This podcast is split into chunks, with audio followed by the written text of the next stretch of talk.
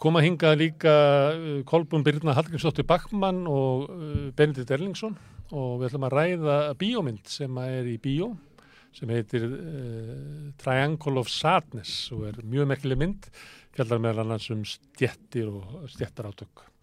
Þór Sari kemur hérna eftir og við ætlum að ræða við hann um, um Íbalónasjóð. Uh, allir vilja uh, skilja núna um hvað það mál snýst og ég ætla aðeins að ræða við Þór Sari um það en hérna eftir fréttaeyfiliti þá kemur Kilvi Sóeka og við ætlum að fara yfir efnarsástandið, um, dýrtiðina, uh, lítið atvinnleysi, mikla minnuaflsþörf, kannski um innflindundur og sikk og fleira en það eru fréttið dagsins. Karl Þíðan, hvað er þetta? Já, það er búið að uh, tölverkt að gerast með varandi flóta fólk, við höldum aðeins áfram með það að uh, ríkið er búið að leia Kumbarvog Kumbarvog í, í, í það sem einu sunni var dvalarheimili Notorious fréttir af, af íldri meðferð á börnum. Ímislegt fyrir hana. En uh, sveitafélagi Árborg bæjarstjórn Árborgar fekk ekkert að vita að þessu og það lítur út fyrir að það muni fjölga um 10% íbúðum mm, þannig að það verða til flottamanna búðir hér og þar í landinu. Þetta er svona dæmi Já. um það hversu ítla stjórnvöldur er undir þetta búin. Að hérna rýfa sig upp gömul hæli um land. Dimma sögu og, og lítið mm. samráð haft við Já. bæjarstjórnir og annað veitir ekki að gott. Svo var líka verið fréttur um að flottafólks, flottabörn mm -hmm. komast ekki í skóla. 39 börn, börn í Hafnafjörði sem fá ekki skólafloss að meðan það er eitt í Reykjavík. Það er svolítið mikill munur að ná mm. það veit ekki alveg af hverju hvað er að baka það. Þetta er eitthvað sem þarf að skoða. neytar Hafnafjörður að taka á sig það að setja börnin í skóla. Það er að nota börnin til þess að krista fíu út úr ríkisöði ég veit ekki.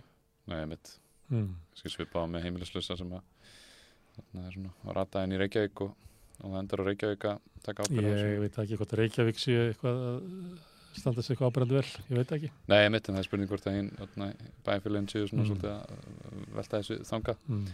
en svo var nættið umræðina að inn á þingi í dag var Helga Vala og fleiri í stjórnarnarstöðu mjög gaggríninn á Jón Gunnarsson og Dómsmálaræðanetið fyrir að veita þeim ekki gögn um veitingu ríkisborgarréttar. Já, saka Jónum að, að láta útlýtikastofnun sitja á gognum mm -hmm. skipinni fyrir og brjóta þar með já það var verið að tala um landstómanna að, að hérna senda Jón að var að brjóta uh, lög og, og ætti að, að kalla, kalla hann til ábyrðar. Já, Ardís Anna Kristjánsdóttir Gunnarsdóttir, þingmaður Bírata, hún segir að stofnuninu beri lögum samkvæmt að veita alþingi þessar upplýsingar Eh, en Jón Gunnarsson segir að þau verður að býða í röð mm. að þau verður að býða bara na, eftir að það komi að þeim í röðinni mm. sem, a, sem að er vist brot á stjórnskipuna vennjum og, og þess að talaði með þessum um, á þessari dramatík í rauninni að, svona, að, að segja að þetta sé mjög óvenjulegt og, ma og maður velti fyrir sér af hverju, af hverju er þetta svona flóki fyrir Jón að mm.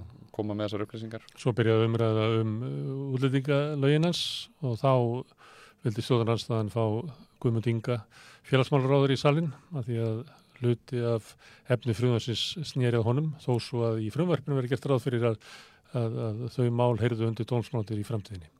Þannig að það voru mikið slegist í þinginu. Það. Mm. Og man, já, mann finnst það skrítið sko að hann, hann talar, Jón hefur talað mikið um þetta, fölsuð vega bref og, og svona. Og þannig að vill hann ekki að við sjáum raunveruleikan á bakvið allt þetta? þetta, þetta búið, búið allt þetta ár sko. Mm. og held ég að vera að segja fyrra líka sem er að, að þingmenn vilja fá gögn frá e, útlýtikastofnun varandi þá sem er að sækja um e, eða skjóta til alþekis það að fá ríkisborgarétt við erum bett á það að Íslandikar eru mun tregari að veita innflytjandur um ríkisborgarétt heldur en e, hinnar Norðurlanda þjóðunar munar miklu mm -hmm. veit ekki hvað það á að hvort þetta, um hvað það snýst Nei. hvað er meiri fréttum? Það var sjávarútistagur svona hjá Delotte sem byrjaði í dag og Þorstein Már fekk þar að, að tala. Það var með svona keynote speech Já, hann var ekki ánæðið með strandviði sko, hann mm. vil alls ekki sjá það aukast. En ég held að það er búið slaufunum, hann mætti ekki vera svona því að hann, var, hann fekk ekki að vera með í fyrirmyndafyrirtæki. Samir ég fer ekki að vera þar út af sko uh, þau málum sem að það fyrirtæki er í. En hann var nógu góður til að vera hann og Svandi Svavarsdóttir mætti hann með ávarp. Og svo kom Þorsteinn með hérna, aðal erindið ekki auka strandveiði, please, segir Mm. hann af því að það muni íta undir óstöðuleika á þorsksmarkaði eitthvað. ekki ánægð með strandviði fannst hérna, það. veiðigjöldin vera of há. Fannst kvóta það ekki alltaf lágt? Vildi fá að Mhm. stekka meira? Sagði að þetta væri bara smá fyrirtæki á heimsmarkaði og, og samir þetta að stekka eiginlega miklu meira. Það var frekar, ég var viðtalið við hann á stöð 2 það var svo ólundarlegur í viðtalinu. Það var óanaður með eiginlega allt. Mm -hmm. greið maður, það er já, hann finnst að borga of mikið í æ. hann fá ekki að gleipa fleiri fyrirtæki. Svo er einhverju trillukallar einhvern veginn að taka þorski sem hann á. En hann er nú þegar komin á Samiri komin yfir kvotamarkið með fyrir löngu síðan, en það er ekki gert sko. Nei, og hann fær að kvarta Nei. bara á þarna, hann fyrir að tuða þess fær þarna, keynote speeches í, á svona Já. sjávarúndstegi með svandísi þarna í hliðina. Já, góð stemning, mm, skrítið ekkert svo skrítið, maður, maður skilur alveg um hvað þetta Nei, snýst sko. Mér finnst það tónnin í honum, en það er annar sem að tala svona með sama tón, svona sem að byrjar á því að dæsa. Það er að Kristján Lofsson í, í kvalnum. Það er alltaf Mm. mm. skemmtilegt að hlusta á vitum það. Hann er alltaf svo, svo að- svona ákkurat mátulega pyrraður og, og leiður eitthvað. annað fórnalamp hérna sem að, Já. já, við erum að stoppa Já, íslenska þjóðin er búin að gefa þeim auðlindina, en samt eru þeir óanaðir. Ég vildi, vildi fá aðeins Það er- meira eitthvað. það er alveg magnað Mm. Já, algjörlega Mm. magnað en svo í öðrum fréttum að þá, þá öðna, er þetta að koma meira og meira ljós hversu alvarlegt mál þetta er með íbúðalana sjóð og Mm. það er búið að vera svona svolítið rifrildi á milli Bjarnar Benediktssonar fjármálaráðara og, og nokkra stjórnarmanna í, í hinnum og þessum lífeyrissjóðunum sem eru öðna, sem hafa gröfur að sækja í íbúðalana sjóð Eiga brefin og sem Bjarni ætlar að, að láta Mhm. bera tapið. Og þau gefa ekki mikið fyrir öðna, áallanir hans um að redda þessum málum að því að hvernig sem áður litið þá, þá er skuldinni náttúrulega skellt á almenning Mm. en, en þeir, þeim finnst líka faranlegt að ríki allir núna með því að gera þetta upp og borga þess að 47 miljardar að, þeim finnst eins og þá sé bara verið að breyta algjörlega forsendum allt í hennu, forsendum Já. samningana Ég held að það hef ekki Taka pyrrað, örugglega ekki ég mál. held að það hef ekki pyrrað Bjarnar sko. Bjarni sagði eitthvað í þá verðin að það verður bara eðlilegt að þeir sem að væru að, að verja hagsmunni í lífriðsjóðuna myndu gera það. Það sem að uh, fjekka til þess að, sko, skrifa fæslu á Facebook þegar að vaknaði í morgun var að hann hefur líklega mistað kastlös í gær þar sem að Már Volgang Mixa sagði það að eh, ef, að- ef ríkisjóður ætla að ganga frá þessum ábyrðum að þá er það eiginlega greiðslufall ríkisjóðs og það er muni hérna, hækka skuldabrjöf álega á ríkisjóðu þar með vextina og það var, hérna, Bjarni var að gera sko stórkostlega skada fyrir ríkisjóð. Það fór í töðunar á Bjarni þessum að byrja að skrifa þarna þegar hann vaknaði í morgun. Sjálfstæðismenn Það var að hafa betri aðstofmann til að senda honum kastljósið þarna beint í kær. Við vorum með frétta af þessu sem að uh, Már var að segja eh, strax í kærkvöldi. mm -hmm. þeir fara alltaf beint í, beint í sókn sjálfstæðismenn það er, það er skautaði yfir ábyrða hlut þeirra í að hafa komið þessu öllu í gang hann er og hann hann talar ekki eins og um að, að, að það sé brínt að taka á þessu strax og svona og, Mm. Og maður svona, já, þú veist, það er bara ekki átt að gera þetta til að byrja með, þeir fóruð inn, inn í þetta með augun opinn og, og na, voru vöruð Mm. við og við og Mm. bara Bjarni greiti alltaf atkvæði eðlilegt með þeir á sín tíma, 2004. mm -hmm.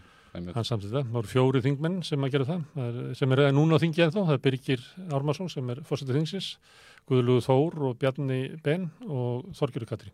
Þau Mhm. samþýttu þetta með opin augun. Eins og Pétur Blöndal, hann fór upp í púlt þegar var verið að leggja lögin fyrir og vildi benda á að þessi hætta væri þarna og vildi bara þegar fólki samþýtti þetta að gera það með opin augun. Hann sjálfur, Pétur, greiti atkvæði með þessu, þannig að hann gerir það með opin augun líka. við erum með mynd hérna af ríkistjóninni sem að vera ábyrð, kannski sínum hana Mm.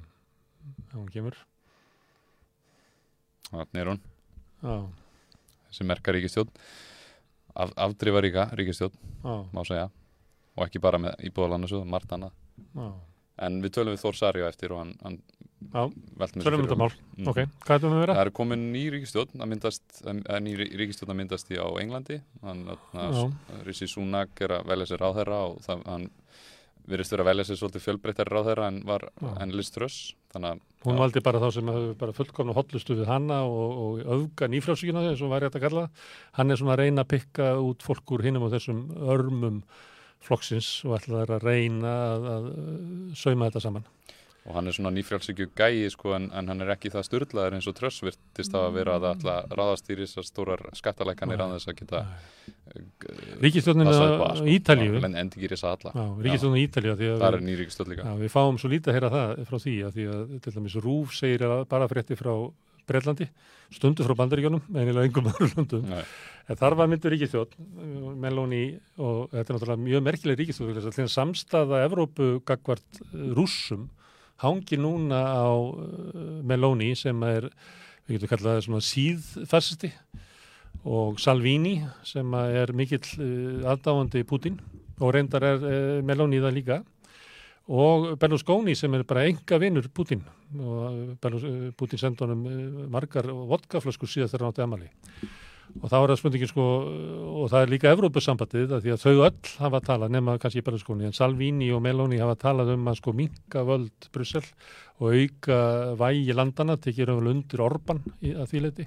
Salvini hefur tekið undir Orban með því að greið, hafa þjóðaratkvæða greiðslu um alla Evrópu um uh, viðskiptaþinganinnar þannig að, að, að almenningur í köldum húsum í vetur geti felt það, felt viðskiptaþinganinnar en, en þannig að þetta uh, samstæða Evrópu hangir á þessu þríegi og ég fór uh, hérna, Macron talaði við Meloni strax í, í leið og hún tók við bjöllunni, það er eitthvað bjalla sem er svona merkjast þessu fastisvara og hún var eitthvað að reyna að róa hann og hún gerði það reynda ringa í þinginu með fyrstur aðeinsinni þá var hún að segja að hún styrti Evrópusabbatið samstæða Evrópu og er svona reyna að tala og búa til svona ró inn í Evrópu. En ég var að skoða svona hvaða fólk þetta er í, í hérna, ríkistjóninni og þetta er alveg svakalegt gengi sko. Já. Já, ef maður tekur bara konunnar hérna, Mhm. þær eru allar bara algjörlega á móti þungunarofi, þær eru á móti staðgöngumæðurinn, þær eru á móti staðfestum samvistum samkynniðra, þær eru á móti sko líknardrápi og þá þannig sko að, að, að það má ekki taka öndunavélina úr sambandi þótt að fólk sé heiladött. Þær eru bara ótrúlega svona harðar, eru bara eins og tepusreifingun í bandaríkjunum og svo, með hverju er það svo? Það eru með vændi og, og geldingu kynfyrir afbrótamanna, sá ég. En ég ætlaði, ég ætlaði að skemmtar með því að fara yfir ráðarlistan og segja þér svona frá þessu fólki Mhm. að því að maður verður svolítið hissa þegar maður fer yfir þetta. Úr hvaða umhverfið þau koma, sko. Það eru bara öfgafull- langs, öfgafull. langstæstu hlutin, ekki bara þeir sem eru í bræðlega í Ítalíu, eru úr ungliða reyfingu hérna, nýfassistana eftir, eftir stríð Mhm. og líka þeir sem eru fyrir Norðurbandalagið og, og Berlusconi þannig að þetta er sko hægri sinnaðasta ríkistjótt sem hefur verið í vestur-Európu frá því að Mussolini fjall sko og Hitler Mhm. það er bara Einmitt, þannig rosalegt. En tvær góða fréttir í viðbót svona, ja, einu mjög góð og, þa og það er svo frétt að, að landið er að yngjast Ísland er að yngjast og er að, er að verða upplöra við erum þarna, hlutfall vinnandi fólks á við eh, aldraða og, og svona er að, er að bætast við erum með Mm. hérna mm. línuritt Mm. á nýjunda og tíunda áratunum voru að vakna miklar af því að, að þjóðum vera, vera eldri og við myndum ekki Mm. geta staðið undir þjónustunni við, við þá sem ná ekki að vinna mm. en vegna þess að við erum að fá inn mikið innflyndum og svona þá, þá er þetta búið að batna töluvert Já, og þetta, þetta við erum núna- graf sem að við byggum til á samstöðinni Mhm. Gilvi Magnússon var með erindu um þetta í, í háskólanum og hann er alltaf komið inn í næstu viku og fjallum það sem sagt, um, öldrun þjóðarinnar og áhrif innflytjandi á það og þetta kallast þetta svona líðfræði hvern, hvernig aldurskipting þjóðarinnar er. Já, og eins og staðan er núna þá, þá er, erum við á frekar góður leið og sérstaklega á, á miða við Evrópu og, og Japan og, og fleiri lönd svona háþróður innvætt lönd sem að eru að lenda í svolítið klípu með þetta og við erum að koma frekar vel út og það er innflyndum já, þannig að við, við erum, þetta er mjög gott fyrir Ísland Já. að fá inn uh, erlend fólk og nýtt fólk sérstaklega einmitt þegar, þegar við getum hjálpa flóta fólki sem er í mjög erfiðum aðstæðum og þau geta Mm. hjálpa okkur líka en, bara, en, en svo Það kom nú fram í þessari frétt sem er svolítið Mhm. merkilegt að e, fyrstu nýju mánuð ásins að það fjölgaði Íslandingum um 9000 þar að voru sko fættur umfram dána voru 550 en Íslandingar, íslenski ríkisborgarar brottfluttir umfram aðflutta voru 490 þannig út úr þessu kom bara 60 manns aukning en 9000 eru innflytjendur að flytja til Íslands. Já, og það er það sem að veldur því að sko og línuriti fer svona upp. Já, og Mhm. við erum svona uh, ótrúlega healthy. Og það sem að, að þeir var alltaf flóttamanna vanda, mér finnst þegar að tala um mannuðs vanda og við vorum eitthvað að reyna að slá á það svona hvað, hvað, hvað gildi þetta væri. Að hérna uh, ef það kostar 75 miljónir að ala upp all sem að skólagangan einn er 37,5 miljón á núverið fæði og húsnæði er, er 20 miljónir og svo er alls konar kostnar, heilbríðstjónust og allt annað, við bara setjum cirka 75 miljónir að þá eru það þessi flóttamenn, þessi 3000 flóttamenn sem óskæftur hæli á þessu ári eru svona innspyttingin í þjóðina sem að má meta á 185 miljardar sem við ættum náttúrulega að fagna, skjótu brakettu mm -hmm. að fagna. Í staðin fyrir að vera að eyða allir þessu umræðu um einhverja þrjá menn frá Albaníu sem að mögulega voru með falsaðan passa. Ég mitt er tillaga. aðeins á hinna hliðina sem, að, sem að er mjög góð og bara, já, góð þróan fyrir okkur og, og góður hlutur að gera að hjálpa þessu fólki Þetta með eitthvað? Svo í, Nó í Noregi þá atna, fyrir nokkrum árum tókuð tóku upp ný lög 2000, 2019 og þau voru reyna að koma í veg fyrir að eigna fólk sem, sem á nú þegar húsnæði væri að kaupa uh, upp eigninar, allar nýjar eignir Sem mikið vandamál í Íslandi. mjög mikið vandamál á Íslandi emitt og var það ekki 62% eða eitthvað af nýjum íbúðum á síðustu tíu árum eru búin að fara til eigna fólks Já. en þannig að Þeir sem eru að kaupa sér aðra íbúð. Já, það, fólk það, eru- það eru alltaf færri og færri sem eiga bara eina íbúð. Þeir sem eru fleiri en eina íbúð, það er alltaf fjölga íbúðinu sem eru í eigu slíks fólks og fyrirtækja. Já, og norðmenn hafa sett, settu á árið 2019 og settu á lög þannig að það verður erfiðara og dýrara fyrir fólk að kaupa atna, aðra eigni eða þriðið eða fjórðu. Þannig að það bara hættir að borga sig. Og, og þetta er farið að hafa mjög góð áhrif hjá þeim. Og manni finnst sorglegt bara að, sé, að svona hlutir eru bara ekki til umræði hérna í, hjá stjórnvöldum og svona í ópenberum fjölmiðlum er talað um svona aðgerir sem bara algjörlega óraunhafar og, og bara ekki tekið greina á þeim. Mm. En þetta var frétta yfirleitt í Það var líka verið að setja leigu bremsu í Skollandi. Já, það, akkurat. það er ekki verið gert hér. Ja, það er ekki verið leigu bremsu, þetta er leigu þak. Það er bara bann, að bannað að hækka sko uh, húsalegu næstu sex mánuðina og það má framlengja það um 12 mánuði viðbútt og það er talið að vera mjög líklegt að það verið gert. Mhm. Nei, Við, við þurfum þannig á verra Íslandi og við þurfum líka eitthvað til að koma í veg fyrir að eigna fólk sé að kaupa upp allar, allar nýjar íbúður. Þetta var frétta yfirleitið. frábært, þá tökum við örstuð hlje og svo kemur Gilvi Sóaka og við ætlum að aðtöka hvort það sé ekki bara bjart framundan í efnaðismálum. Húra!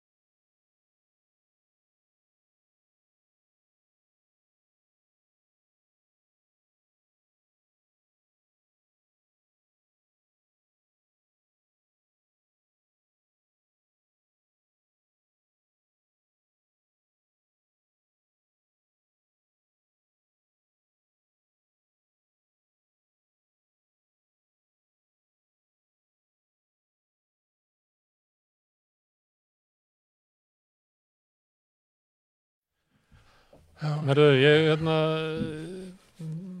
áður við skiptum yfir þá var ég að segja hvort að að spyrja þig Gilvi, Sóka, velkomin hvort það væri bjart framundan, þá var ég eiginlega með hugan við hérna Ísland. Já. en uh, við skulum byrja út í heimi. Já. er ekki allt sótsvart þar bara? Í Evrópu til dæmis? Já, það, það ekki myndur vilja vera ráðgjafi fórstæðsraðura í Breilandi um, það getur verið að, að Rissi Súnak sé heppin með því að koma inn, inn einmitt núna Já, en ekki fyrir einum eða tveimum mánuðum síðan um, og Liz Truss hafi verið óheppnasti stjórnmánumæður sögunar í Breitlandi af því að vegna þess að núna það er óvissa um hvað er að gerast með verð á, á orku, gasverð mm. það er farið aðeins niður því að nú eru Evrópabúa búin að reyna að verða sér út um au- aukið frambúð á gasi Mm. Svo voru einhverja vísbendingar um að hagvöxtur geti aukist í Breitlandi næstunni Á hverju? En Á hverju er þetta naukast? Já, já, til dæmis ef orkuverðið hækkar ekki eins mikið þá hefur það jákvæð áhrif Já.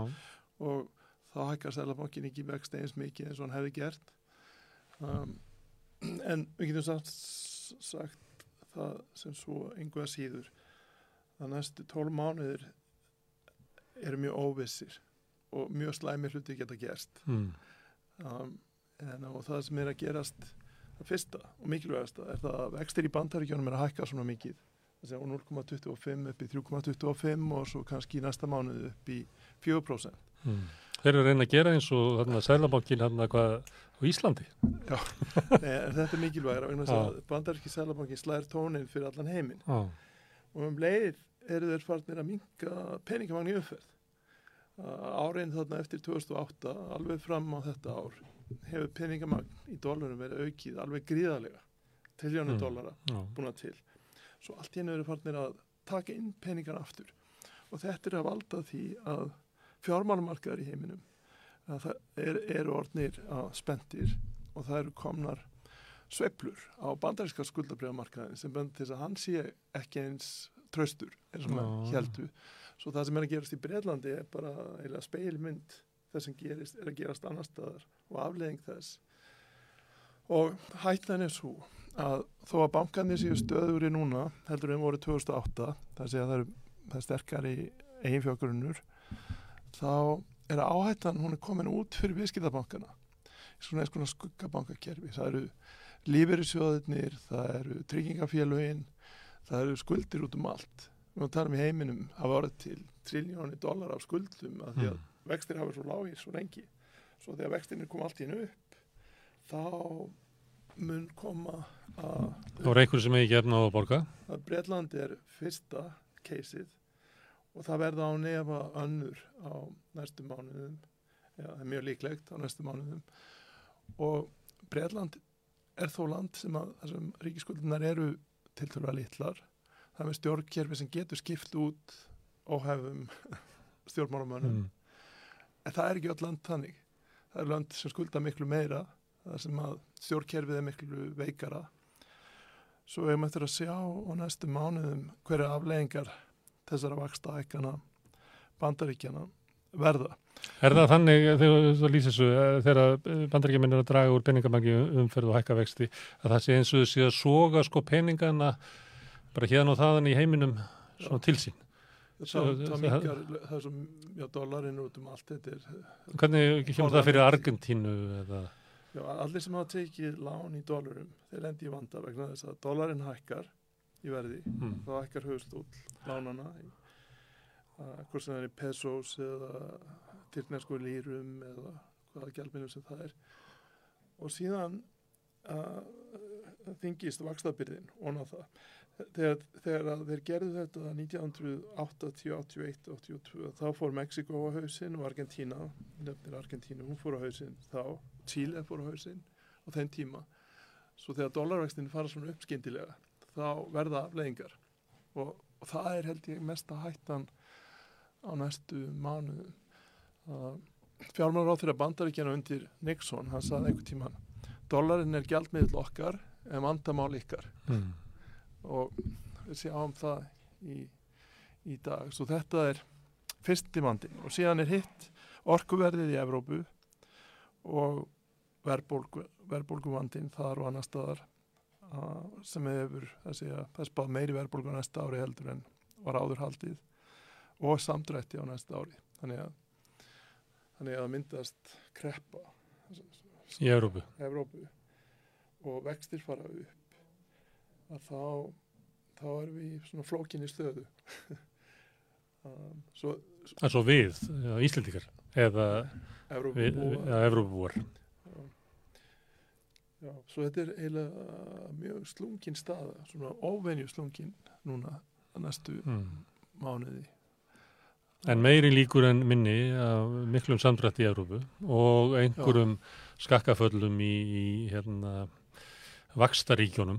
Já, sem að, það sem að, og við veitum ekki hvað þessar skuldir eru að fullu. Það, það mun komið ljós Mm. eins og þetta voru lífyrsjóður í Breitlandi sem að orsökuðu fall á skuldabriðamarkaði í Breitlandi og það verðist verið eins og þeir hafi notað skuldsetningu til þess að hækka eignasapsitt enn meira þessi að þú átt 1 miljard þá allt, allt í að eiga 2 miljard af ríkisbríðum og þá varst að taka lán með afleiðis samningum til þess að geta hagnast enn meira á er svo að taka lán. Já, lífeyrissjóðir geta það með, þetta er einhverja flóknir afleiðusamningar sem þeir nota til þess að blása út uh, sinni efnaðseining til þess að hagnast enn meira á, á fjárhustingum. En það er ekki klókt fyrir lífið að vera að taka lán, eða verði ekki að vera tröstir. Og... Jú, en þannig eru þeir að gefa sér meira ávöxtun og svo, svo þegar skuldabræðmarkaðin fór niður, þá fóru þeir að selja til að losa um þessar fjárhustingar. Og þá var svona vítarhingur sem að Sælabankið þurfti að grípa inn í. Svo Breitland var á barmi sko, fjármála kreppu. Já. Svo við veitum ekki hvar, hvar hérna, uh, þessar skuldir eru allar. Er þetta afleðing af stjórnlausri sælabrendun Já, auðvitað frá hruni? já og, og 0% vöxtum. Mm.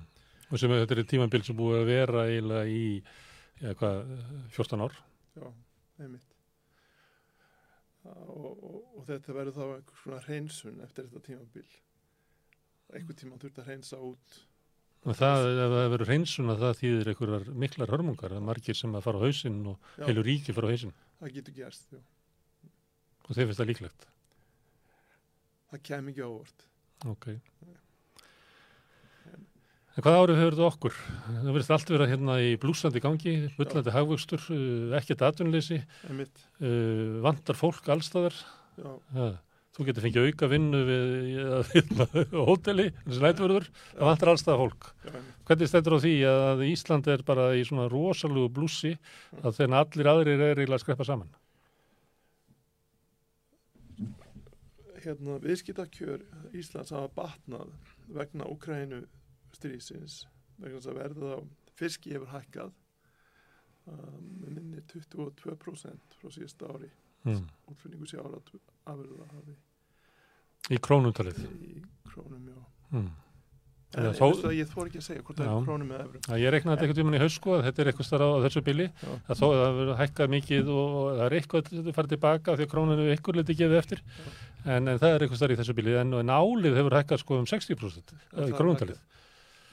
En, en mikið af því auðvitað fer uh, úr landi sem Já, hagnaður. mm. En uh, þannig að viðskiptakjörin batna og ferðamennir hafa komið aftur. Um, svo þetta er allt jákvægt.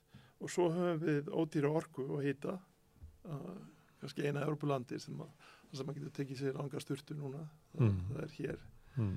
um, sem er að gríðalegu pluss. Bensinið hækkaði en, en er byrjað að lækka alls þar í heiminum, er komin eiginlega á sama stað og var áður fyrir innrás, Já, en, en það kemur eitthvað, hækkanir kom alltaf svolítið seint til Íslands. já, einmitt. Nei, lækkaninnar, hækkaninnar koma strax, lækkaninnar hækka. Já, þannig að núna er, já, það er mikil eftirspurn og skortur á starfsfólki og vextir að fara upp að hér vegna þess að eftirspurn er svona mikil innanlands og innlend verðbólga er of há þurkar hitt allt út, þurkar fastegna liðin út, það var ennþá of mikil verðbólga svo þess vegna voru vextir hækkaðir og það var gert í stórum skrefum fyrst og svo ö- öðru litlu skrefi og svo sjáum hvernig framaldi verður Mm. Og þú ert í þeirri nefnd sem að, að ákvöður vakstastíð svo að, að hlustutur viti það. En e, það, Hagstofan byrti reglulega hérna, samræmda neysluvísitölu Evrópu. Þar er e, verðbólga á Íslandi lág með að við alls þar annars þar. Það er bara Sviss sem er með lægri verðbólga. Akkur er við með hæstu vextina? Eða, eða hæstu raunvextina þá myndi ég segja. Við erum ennþá með neikvæða raunvexti. Við, erum ennþá með neikvæða raunvexti svo um, Evrópa hefur ekki hækkað þessi Evrópski selbankin hefur ekki hækkað vexti mikið og það er tvær ástæðu fyrir því. Og þar stafar verðbólgana miklu meira leiti af hækkun orkuvers en ekki af mikil innlendri eftirspurn. Þar er mikið atvinnuleysi. Og svo er annað sem við gerst í Evrópu er það skuldsett ríki og það er Ítalía mikilvægust að eiga í erfileikum með sína ríkiskuldir. Svo þegar Evróski Sælabankin hækka vexti fyrir allt efrisvæðið af því að gríðarlega verðbólga í Hollandi og Þýskalandi og svona veist þá er við búið að ítalski ríkisjóðunir endi í skuldakreppu svo Evróski Sælabankin er að reyna að finna út leið til þess að auka peningamagn á, Ítalíu en minga það annar stað það er að segja Mm. Hækka vext á Evrósvæðinu en halda áfram að kaupa ítal skuldabrjöf til þess að halda vöxtónum það niður í svo þetta er heilmikil Tómt vesen að vera með öfru, að geta ekki verið með sérstakka peningamálastefnu í hverju landi fyrir sig. þetta kallast hérna það að, að hérna þetta kallast fiscal dominance á ennsku, það er að segja þegar ríkisfjármálun er orðin svo slöpp að þú ert vann að nota Sælabankan til þess að fjármagna ríkisjóð og Sælabanki missir þá sitt sjálfstæði að, vegna þess að hann getur ekki orðið þessu valdandi að ríkisjóðir fari í þrótt og Ítalía er það stórt hagkerfi. Að efrisvæði þólir það ekki að Ítalía lendi í miklum krökkum. Um, svo, svo þetta er mikið vandamál í Európa hins vegar í Breitlandi þar síndi sig núna fyrir tveim vikum að þar er ekki það sem kallast fiscal dominance vegna þess að Sælabankin þar bjargaði skuldabriðamarkaðnum þarna þegar að hann fór að hreinja Mm. þegar lífisjóðin voru parnir að selja bref en svo sagðist þér alltaf stoppa á föstu degi sem við gerum þetta fram á föstu en þá stoppum við og þá neittist ríkisjóðin til þess að, að reka fjármálaráþurann Mm. til þess að róa markaðina og fórsættisráþurann var þar með Algjörlega valdalus. valdalaus og þurfti að fara frá og svo ég að segja að enski selabanki Það felt, ríkistjórn liströðs. Því að þeir hefðu geta gert það sama og sá Evróski haldi áfram að kaupa skuldabref haldi niður í vöxlunum og leift ríkistjóðnum að gera það sem hún var að gera var að búa til uh, með minni 40 miljardar punta halla með skattalækkunum og hvað það var Mm. þetta var svona reikan stefna þetta var já, að lækka skatta myndi örfa hagvöxt myndi örfa hagvöxt til hans tíma og það er þeirra pólitík. Mm. en Breitland er ekki með dólarinn svo þeir hana, markaðning á eftir. En Sælabankin hefði getað bjarga málum ekki bara til nokkra daga heldur til lengri tíma. Og leift ríkistjóðin að hefða sér svona en hann gerði það ekki. En þú veist að segja, Európski Sælabankin leifi til dæmis eh, ríkistjórnum á Ítalíu að gera, Já, að vera með það sem þú myndir segja óábyrga uh, fjármálastefnu eða ríkisbúskap. Já, þetta er stórt, stórt vandamál því að núna er samvæði búið að lofa aðeldaríkjum að hafa fá mikla fjármunni að, að vegna COVID farsóttarinnar og þeir fjármunni voru ætlaði til þess að hjálpa Ítalíu að ná upp hagvexti að gegn því að þeir gerðu allskins breytingar að löguðu sitt hagkerfi en þá, þá kemur nýri ríkistjórn sem að kannski allar ekki gera það Mm. Svo þetta er mikið vandamál í, í Mm. efrisvæðin Já, talandi um efriðsvæðið að þá að því að, að nú er mikil verðbólka og, og svona vext þetta kannski ekki verið mikið verið til umræðilega frá hrunni en ef við skoðum, þú nefndir til dæmis hérna Holland sem að eitthvað sagði að vildu heita, vildu heita Niðurlönduna að það er 17% verðbólka Mm. En uh, vextir Evróska Sælabankas er 1,25% Já. hvað gerist í soliðis hækjörfi með 17% verðbólku þar sem stýrivextin eru 1,25 en sko stór hluti af verðbólgu í Hollandi er vegna orkuverðs. Já, svo ef þú tekur það af ég, ég man ekki hvort það er 6 eða 7% verðbólgu það er einhverja slíka tölur. Þetta, er meira en við erum með. miklu miklu meira. Hér, húsnæðisliðurinn var erfiðu hér. Þar er það orku liðurinn mm. svo það er ástæðan fyrir að vextir sko, fyrir utan hennar skuldavanda Ítalíu það var hinn ástæðan fyrir að sko vextinir hafa ekki verið hraðar upp er svo að það, þetta er ekki eftirspunna verðbólka í Evrópu eins og hér frekar eða Breitlandi og Bandaríkjónum Evrópa er, er í, það er meiri slakiðar hærra aðtunleysi Mm. Já. Þannig að það er gott fyrir þá að vera með lága vexti til að örfa það, eitthvað. það er hugsun eins Já, en þið þarna í nefndinni þið gáttu að hækka vextina af því að hér er hagvöxtur.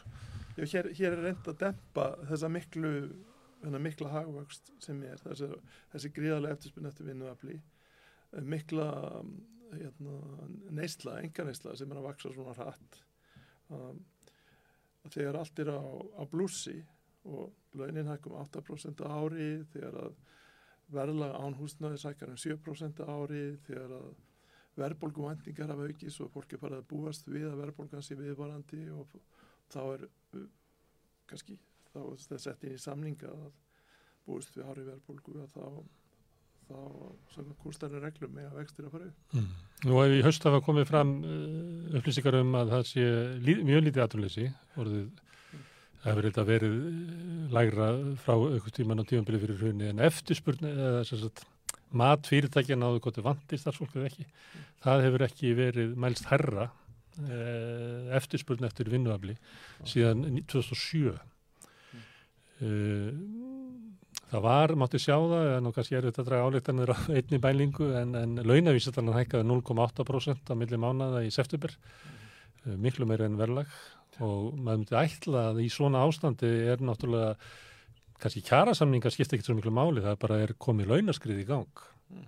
Heldur að það sé líklegt ástand það sem er bara mikill hagustur, mikill vöndur á, á starfsfólki að, að, að launin bara einfallega hækja vegna þess að, að fyrirtækin verða bara yfirbjóða starfsfólk að ætla ekki að draga saman í rekstri. En hinlegin er að aðflutningur Erlends vinnuaps aukist. Hann er, hann er bara aldrei verið meiri. Það eru hérna stefnir í það að verði innflytjendur til Íslands verði farið yfir 10.000 á þessu ári. Já, og það er það sem að dregur úr þá verðbólgu þrýstingnum hérna innanlands. Það væri fullkomlega reymalegt vinnuafl á milli landa það var engin ástæða til að hafa sjálfstæða peningastefnu hérna. Væri við bara hluti af einhverju stærra stærra dæmi. En, en hann er ekki fullkomin þessi reymalegi en hann er það mikil að það dregur úr spenninni en, en það er rétt hjá þér, þessi punktur er sá að það er spennan innanlands sem hefur síðan afleggingar fyrir vinnumarkaðin ekki síður en eins og menn tala alltaf um að vinnmarkaðurinn hafi áhrif á verðbólguna. Það sem gerist á vinnmarkaði er afleitt starð af einhver miklu leiti Já. Það er náttúrulega kannski bara hluti af, af vinnuaflinu og byrjir starfsmenn og láluna fólk sem er með laun sangvat tökstum Já. þannig að þá er náttúrulega hægt við því í svona ástandi að, að launaskriði verði kannski frekar hjá, og þó kannski ekki vegna þess að það sem að þeir talið saman hvar vantar starfsfólk, þá eru byggingariðnaði mm. það er í ferðarþjónustu, það er í fluttningum, það er bara að keira túristana, uh, skipta rúmanu hjá þeim. Þetta er einmitt greina Byggja... sem að nota aðflutt vinna. Já, fyrst og fremst. En finnst þið þá ekki skrítið umræðu um að það sé alltaf mikið af útlendingum hérna á flottafólki? En þegar menna ég að við flotta fólk, er það ekki þá politíski flotta menn, það er ekki aðflutt vinna frá Östur-Európu? Já, en þetta er eiginlega samskona fólk, við getum bæði unnið. Já, nei, nei. Hagfræðin tekur ekki á flottamanna. En mannauðurinn sem að kemur til landsins. Hmm. Nei, ég vil ekki bara... Þetta, nei, þetta ég ætla að tala við að nafnaðinn, nei, ég ætla að tala við að nafnaðinn Magnússon um þetta í næstu viku, Já. um að árif innflytjenda á svona líðfræðilegar tölur, að, að, að óttinum um raða öldru þjóðarinnar Hann, það stennst eiginlega ekki lengur. Nei, mm. einmitt. En, um, en, en, en hins vegar þarf að passa upp á að aðflutt vinnuðafl fái þá þjónustu í þessu samfélagi og þau réttindi sem tryggja að, að næsta kynnslóð þessa fólks samlægist á samfélaginu mm. að skólanir sé í lagi að svo ég kenni í Háskóla Íslands ég, ég minnist ekki þess ekki hafa síðan marga það sé börni innflytjanda frá Östur-Európu í tímum Nei. en að Þessu fallinu námi í, í framhanskóla áður eða koma til þín? Já. Ég, ég hef heyrt fólk segja sem að hef kynnt sér málið að innflytjandur þeir hafa oft miklar vonir um framtíðina og líka trú á eigin getu í skólakerfi en þau rekist á vegg vegna tungumála erfileika og menningar mismunur áslíks mm. og þetta er gríðarlega mikilvægt að passa upp á að passa upp á sko þegar fyrsta kynnslóðin kemur hún er að vinna en svo er annu kynnslóðin sem að fæðist hérna hún samlægist samfélaginu því ef hún gerir það ekki þá er þetta svona hérna tímasprengja. Og þú til að tala um að sko samfélagið aðlaðist þeim með því að auka aðgengi í mentakerfið til þeirra sem er á heiminu þar sem er ekki töluð íslenska við eldursporið. Já. Já. Þetta er svona eitt af þessum stórum málum sem að sem að kannski eru vanrækt Mm. og eru vanrækt, ég veit það. Herðu, við erum búin að fara uh, hoppa svolítið skringilega yfir sviðið. Já, frá Sælabanka bandaríkjana til að spá... innflytjenda frá Já, þú, og þetta tengist allt. þetta tekist allt. Og þú uh, hálf spáir því að, að getur verið erfileikar í nýmarkaslöndum. Já, og Vesturlöndum í Já. Evrópu að við vitum ekki hvað þið verða en, en við vitum ekki alveg hvað skuldirnar eru grafnar en mörg já nýmarkasríki eru standa mjög veikt. Vesturland Suður Afríka er eitt land sem er oft nefnt sem geti fallið núna. En, en þegar bandaríkin að, að hérna, hækka vexti þá eru afleggingar um, í heimsækkerfin og það er svona stærsta óvisa núna í, í fjármálum, jáfnvel enn meiri heldur en Ukrænu deilan held ég, Mm. ég segja Efnarslega. efnaðslega Herðu, við ætlum að finna leið til þess að, að fylgjast með þessu. Takk fyrir Já. Gilvi Sóvaka. Við ætlum að halda áfram með þáttin eftir augnablik. Ég ætla að sjá til hvaða verður sem kemur á dagskrá.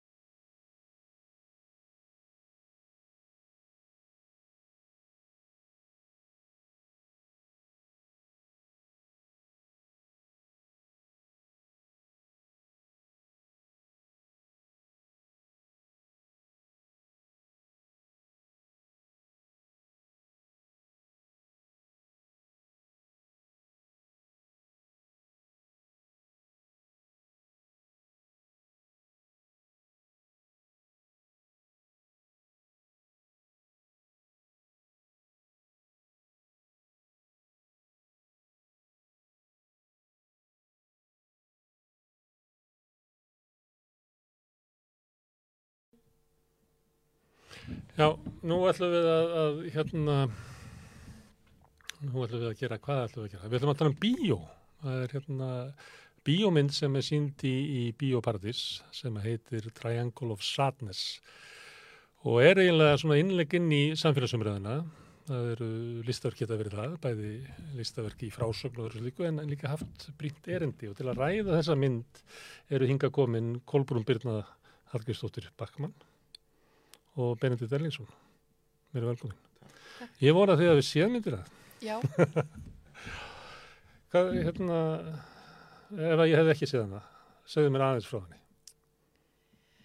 sko, fyrir að fyrsta minnstu bara frábær mynd, Mm. hérna, uh, hún kemur með svolítið svona áhugaverð, úst, áhugavert sjónarhótt á alls konar svona samfélagsádilur og þú ert að sjá kannski margt sem að er í raunheiminum en þú ert að sjá það í annari mynd, þú veist það er búið að kvolfa eins og bara valda pyramítanum og, og þú ert með hennan, Hann kolvist. já, og Já, þú ert með hérna, þú veist þessa Karlkins personu í upphafi sem er þessi mikil feministi og er með þá umræðu og það er bara svona alls konar sem að þú veist, er kannski búið að vera að segja í mörg ár sem er samt, þú veist, kemur þá í öðru ljósu og maður tekur einhvern veginn öðruvísi inn út frá myndinni að Mm. hvað séð þú, Benni? Já, ég, ég sá einmitt þessa mynd í kann á frumsýningunni Já, með elitunni já. með Já, þú ert, þú ert í, í, í, þú ert, þú ert á fyrsta farrimi í það þessu. var einmitt gaman með okkur hérna við í fyrsta farrými það fór hollur um okkur Mm. þarna, og ég fór svona að hugsa um sko búskaparhætti þarna, íslenska búskaparhætti sem er mjög merkilega og mikilvægt rít eftir Jónas frá Hrafnakili sem kennir okkur veist, hvernig á að lifa af á Íslandi og er grundvallarít og líklega í ljósi þess að okkur kannski mun kvolfa hér í, ljósi loftarsbreytingana þá er nú eins gott að kunna búa til taðkvörn og, rækta garðin sinn og, og, og flá kind og, og þarna er einmitt gerist það í þessari fallegu mynda það er það er skúringakonan sem kann að kveiki eld Mm. og veiða fisk Mm. og, og hækkar í status Mm. og, og alveg á sama hátt hún, hún nýtir, nýtir sér það Mm. en hérna Fyrir þá sem ekki hafa séð þetta, þetta er Já. sem sagt uh, fólk á listisnekju, já, þar sem er, er mikið hýrakía og, og, Já. og. Já, það svo fest skipið og þau reka á land hann okkur Já. og það er eiginlega klósett þernan sem að, Já. er svo eina sem að kann að veiða fisk Já. og elda fisk, já, kveikja eld Já. sem að verður eiginlega kongurinn. já, byrjar að kynþrælka mótilið og svo hræðis Já.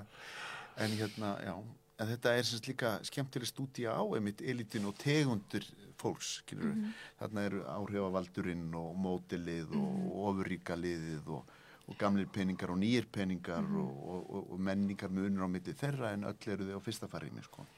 Og líka sko að því strax í byrjun eru þau eins og í tískusýningunni sem kemur hérna upp að satriðinu, þú veist, þá er þetta skilur við erum öll jöfn, jöfn og við, þú veist, allt skilur bara world peace eitthvað og líka, veist, þessi sama ádela sko í kapla 2 þegar að þegar konan á fyrsta farið með erum eitt að segja við starfsfólki bara jú, við erum jafningjar, Mm. þú átt að koma inn á synd og neyður allt starfsfólkið í það þú veist, það er til dæmis mjög áhugavert af því að þú veist, maður sér það bara svo bersinlega þið eruð alls ekki jöfn og þessar stöður eru bara svo ósambarlegar einhvern veginn. Mm. En stöðuna er það ekki bara fyrst og fremst peningarnir sem að ráða því hvað þú ert í. Já, í þessu samíki er náttúrulega þarna peningum breytt í vald, sko, og menn, Mm. menn nýta, nýta sér það, þessi valda misnótkun, en hún gerir það líka í fyrsta atriðinu milli mótelsins og, og konunar sem Mhm. hefur herri tekjur og, og það er svona sænst par, hvor hvor á að borga reikningin Mm.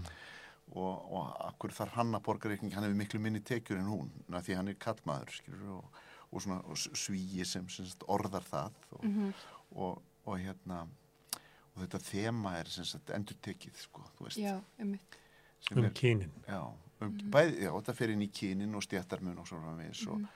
og svo kemur þessi marsíska umræða það er náttúrulega brjálaður hérna skipstjóri Mm. sem er marsisti Mm. þú væri ránað með hann þarna. Mm. Og með mjög Og- með- og- með og- ólíkarki mentaður í, í leninísku fræðum. E, og ólíkarki mentaður í þessum er orðið ríkur á skít Mm. beinlinis á því að, að dreifa Mhm. Já. Þannig að þetta er náttúrulega ótrúlega flottur speill sko. Mm. En það er svona áhugavert sko hvernig, þú veist, ég meina að því ríkt fólk, mér finnst ekki að, úst, þetta snýst ekki bara um peningaldur aðla valdastöðuna því hann mála ríka fólki ekkit endilega sem vond, eða þú veist, eins og þessi gömlu hjón sem eru, þú veist, að græða á vopnaframlegslu, skilja þetta er svona krútlegt, svona almennlegt og aðgengilegt fólk Mm. þarna og það er einhvern veginn, þú veist, að því maður kannski ímynda sér að þetta sé einhver skrimsli, þú veist, Já. á bakvið allt þetta, sko Já. þannig að hann einhvern veginn tekur líka alveg svona smá beigur þar og, og meðist það líka alveg bara sína úr þessi einstaklingshyggja virkar ekki eins og þeir eru komin að eðeigina þú veist að því ég meina klósettferðnan sem að ræður öllu hún Verður gæti, hún ekki skrýmsl eins og þau voru? þú veist að á einhvern hátt en hún gæti þú veist í þessum spórum þá gæti hún ákveð bara þú veist, að láta þau öll bara svelta, skýruru, en það er líka bara, ég held að þetta sýnir mér svolítið, þú veist, ég meina, þú vilt hafa samfélag, þú vilt hafa fólk með þér, þú veist, þó þú sért kannski að nýta það á, á ólíkan hátt, en þú veist, það er fullt af fólki sem fær bara svolítið svona slæta með, þú veist, bara því það er þarna, einhvern veginn, þú veist, þetta er ekki, skýr, þau þurfi ekki öll að koma með þetta framlag til þess að vera partur af þessu samfélagi sem er búið til þarna. En það, það eru alls konar speiklanir líka þetta skipið sem við erum á sem er að velta út af loftslagsbreytingunum og allt það og, og hvernig við kostum upp bara í, í velsælt og, það er líka hlutskipti hérna veiku eða hérna fölluð, hérna slösuðu sem eru bennið skiltir þarna eftir skilur. og, og hérna þannig þetta er hérna ótrúlega allegóraja á það. Og, og interessant að því við erum hér að þetta er ekki algengt í kvikmyndagerð og það segir manni að sko átökum stjættarmun það segir manni kannski, þú veist, við erum við sem búin til kvikmyndir erum millistjætt eða yfirstjætt og við gerum kvikmyndur um okkur.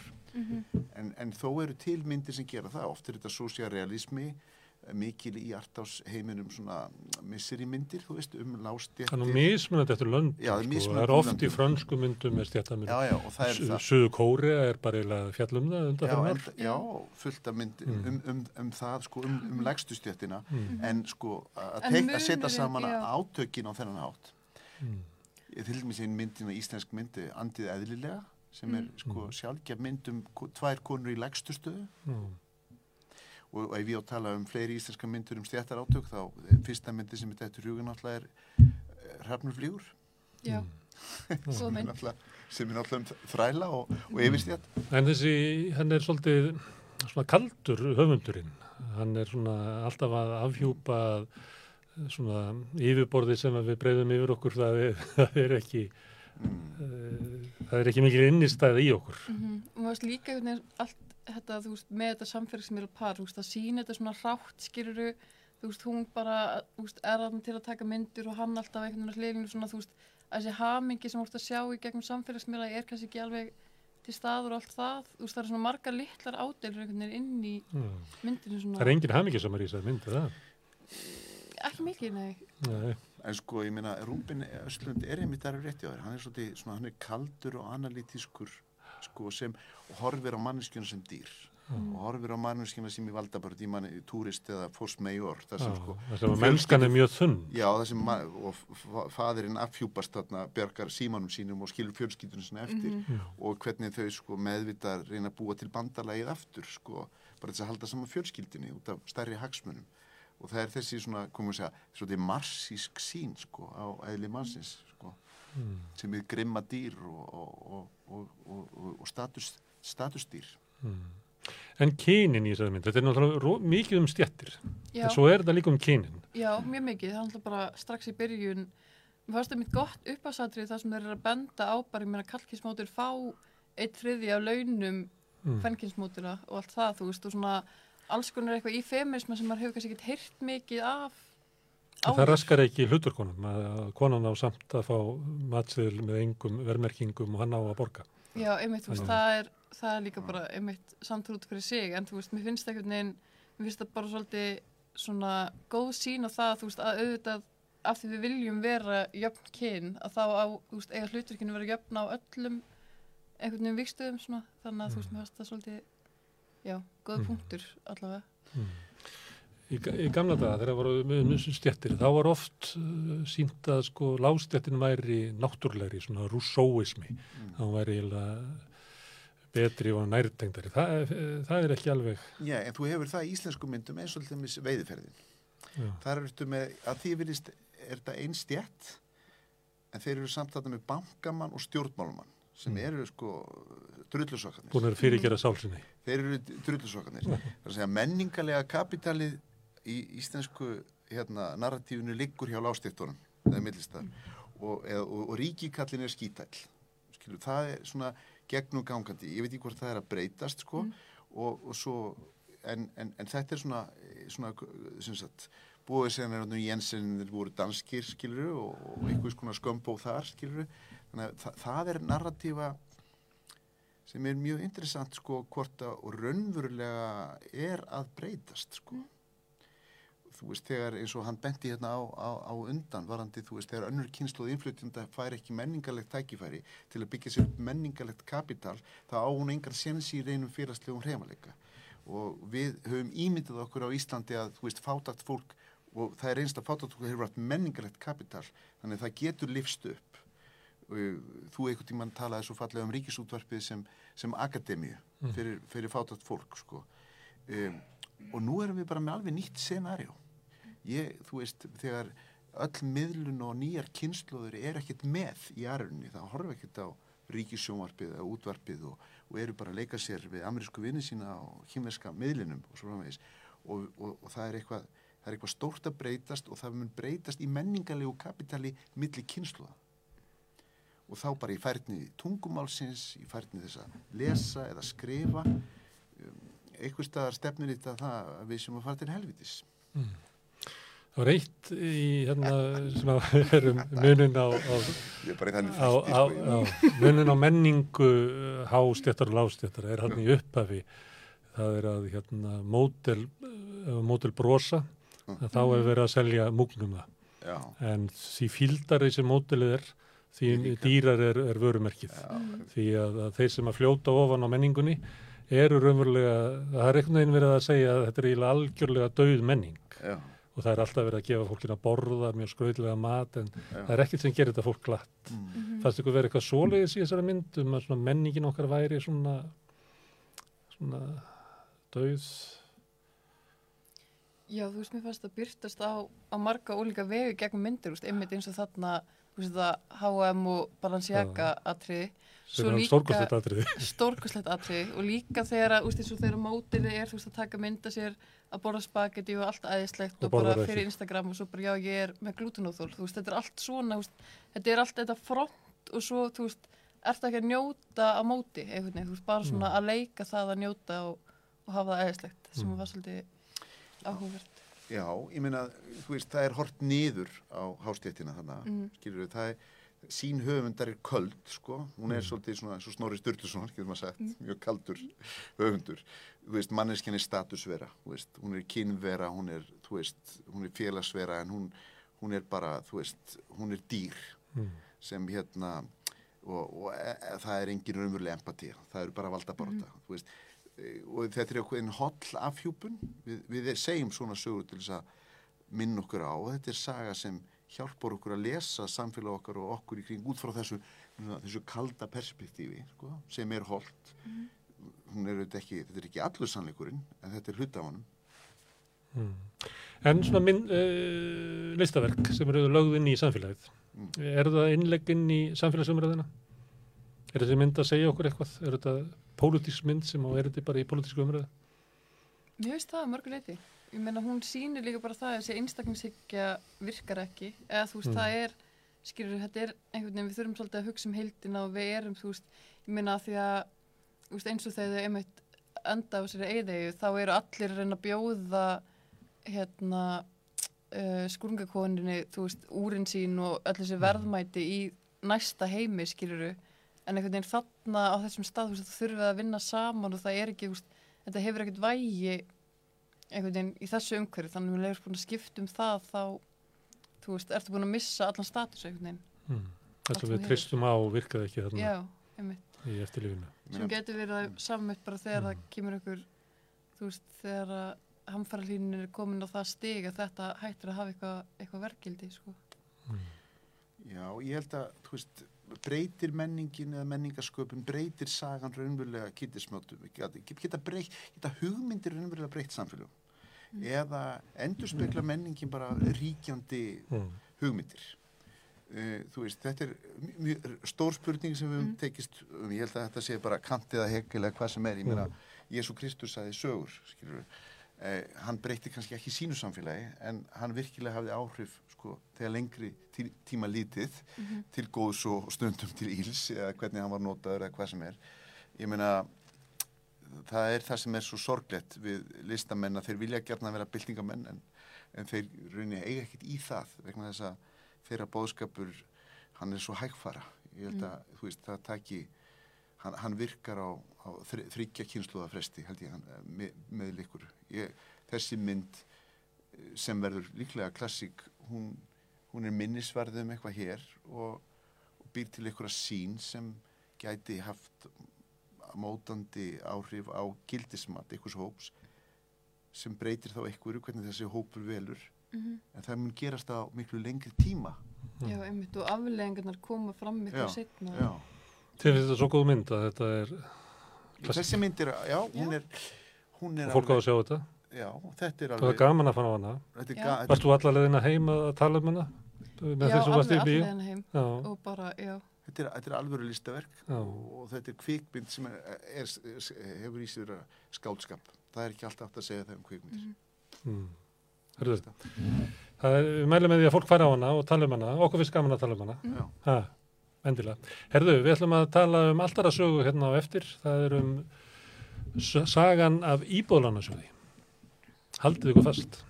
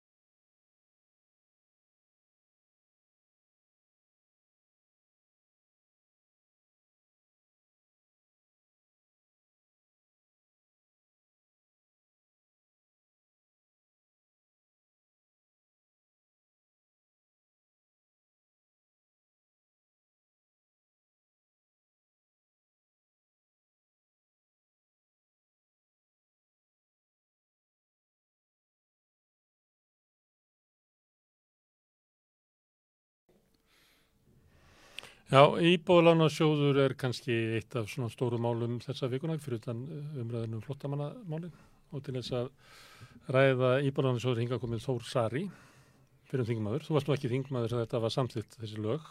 Nei, ég hef 2004. ekki, ekki forframast það mikið, ég, Nei, var 2004, það varst ekki þingi. en ég var að vinna þá hjá einmitt Lánasýslu ríkisins sem var með ríkisábyrðunar og ég sá um ríkisábyrðunar. Já, já. Og kom þetta mál til ykkar? Já, já, ég meina við, við að sjálfsögðu þurftum að senda inn umsagnir um þetta þegar, þegar að ljóst var hver stefnan átti að vera. Það er að segja að það átti að breyta þessu fyrirkomulagi skuldabrefa í bóðalónusjóðs og, og, og það var alveg borlegjandi um leið og, og þær tillögu komið fram að, að það var komin þarna mikil áhætta í spilið vegna þess að, að brefin sem átt að koma í staðin þau voru ekki uppgreðanleg að, hérna, og þetta var í rauninni sko, þetta var þannig áhætta og það mikil áhætta að það var mjög sérkennilegt að þetta skuli hafa verið sett fram með þessum hætti og, og Þetta Ég- rann í gegnum þingið bara með til dælu lítill umræðu, ég hefur verið að skoða það. Já, ég held að fólk hafi bara sko hvorki nefnt að skoða þetta niður að gera sig grein fyrir því hvað var í gangi alveg Blöndal benti á það, það voru nokkra umsagnir, sæðlabankunum að víðar. Jóhanna benti á þetta, en hún benti á svolítið svona margt, þannig að hún gerði þetta ekki að svona meginadriði, Já, þessa hérna, áhættu sem að var verið að búa til. en, en maður náttúrulega velti alltaf fyrir sér bara þessu, þessu sko þessi sjens sem að menn voru að taka þarna hvort að þetta var hluti þá af ykkur starra samhengi og samkúmulagi sem að var búið að gera á bakvið tjöldin Um að bankarnir kemur þetta inn og þetta væri upphafi af því að íbúlanasjóðu færi af þessu markaði. Já, ég held að sko það sé alveg verðt að velta upp þeirri hugmynd líka vegna þess að, að, að menn gera ekki svona heimskulega hluti sko bara óviljandi, ég held að það sé alveg, alveg útlokað en, en, en sko maður veit ekki hvað var á bakvið þetta eða hvort að þetta var einfallega bara eitthvað skonar smádílar sem að þeir hjá íbúðalunum sem voru að gera og, og, og ykkur fengu, sko, það var náttúrulega Deutsche Bank sem að, sem að ráðlagði þetta og, og við bentum strax á að, að ef þeir ætlaði að fara út í þessi skipti þá er það að vera bara fyrir mjög hlítinn hluta af brefunum og, og hérna, til þess að, þeir hefðu alltaf borð fyrir báru. Mm. en það var ekkert lustað á það og, og, íb- og, og Deutsche Bank fekk náttúrulega sína þóknun og lagði til að, að nánast öllum brefunum verið skipt út og fekk sína þóknun fyrir það. Svo við skýrum það út fyrir þá sem ekki eh, þekkja, að þá er vandamálið við það að, að það var að fjármagna íbúlanasjóð með óuppgreiðanlegum lánum til langs tíma hérna megin. Síðan var lánað út til almennings á lánum sem var hægt að greiða upp með til dæla lítilli uppgreiðslu álægi. Já, og þetta er bara og þetta, var, þetta var átt að byrja á þessu. Síðan til þess að skuldabrefa útgáfan væri nógu stór að ráðleggingu þeirra sem átt að sjá um það eins og Deutsche Bank og fleiri að þá var skipt út gömlu húsbrefunum sem að voru hérna, innkallanleg já, þannig að hefði mátt minka gallan. Ég var að uh, fletta upp hvað það var stórt uh, sem, sagt, sem að þeir skipt út já, tókur umverulega letu nýju íbúðabrefin í staði fyrir gömlu húsbrefin já, já, Þetta eru 700 miljardar. já, þetta var alveg gríðalegu pakki og, Já. og, og það er alltaf spurning hvað Deutsche Bank fekk í þóknun fyrir það, það, hefur ekki komið fram og. Og, og menn sögðu sem svo, já, Deutsche Bank er nú virtur þýskur banki, sko, en, en Deutsche Bank er búin að vera í eigu bandarískra vógun að sjóða í ára tugi og það er ekki týstiðan en mann afnið, sko. Og er búin að tengja sko hverju neykslismálinu og þetta eru öðru bara í alls konar braski og Já, já, já, og Ólafur Ólafsson, náttúrulega framsóknarmaður hjá Sannskipum reyndi líka að hengja þískan, virtan þískan banka á, á, á sitt brask með, með, með hérna, búnaðabankan á sínu tíma og mm. þannig að þetta er svona svolítið þekkt aðferð hjá framsóknarfloknum að, að leita til Þískalands eftir, eftir hérna, já, já, Síðan stutt eftir að lögin voru samtíð þá koma bankarnir inn í, í samkemni og þá, það er bara um haustið, þetta er samtíð að voru til. já, Um haustið þá kemur, gerir kauptingbanki, árás á uh, býður mjög fljótlega 100% lán. já, já, lækka, læri vexti. Uh, og það verður eiginlega bara ljóst þá að, að það sem að menn höfðu vara við er bara að fara að gerast. Já, já, það var alveg ljóst mjög fljótlega og, og það er aðteglisvert líka að veita því aðtegli sko hvernig pólitíkin tengdist inn í bankakerfið á þessum tíma því að, að, að uh, Þorgerður Katrín Gunnarsdóttir var varaformaður sjálfstæðisflokksins og maðurinn hennar var yfirmaður hjá Kaupþingi. Mm. Þannig að þarna var verið að móka náttúrulega mjög örugum lánum inn í bankakerfið. Nú Átni Magnússon sem var félagsmálar á þessum tíma, uh, hann fer svo bara þegar hann er búin að vera ráðara í svolítið stund, þá fer hann bara beint yfir til Glitnis sem að, sem að hirti náttúrulega líka upp helling af þessum, þessum uh, lánum og svo var náttúrulega Baldur Guðlússon, ráðuneytistjóri í fjármála ráðuneytinu, hann var hluthafi í landsbankanum og, og, og, og hann fekk nú dóm fyrir það og gott ef hann satt bara ekki inni í svolítið tíma sko. Mm. þannig að, að það, sko, pólitísku þræðirnir eru út um allt í þessu máli bakvið og, og, og hérna og það er ekki tækt að horfa fram hjá því að, að þetta gæti alveg eins hafa verið ætlanmanna en, en, en ekki einhver mistök eins og, eins og þetta hefur stundu verið teiknað upp. Mm.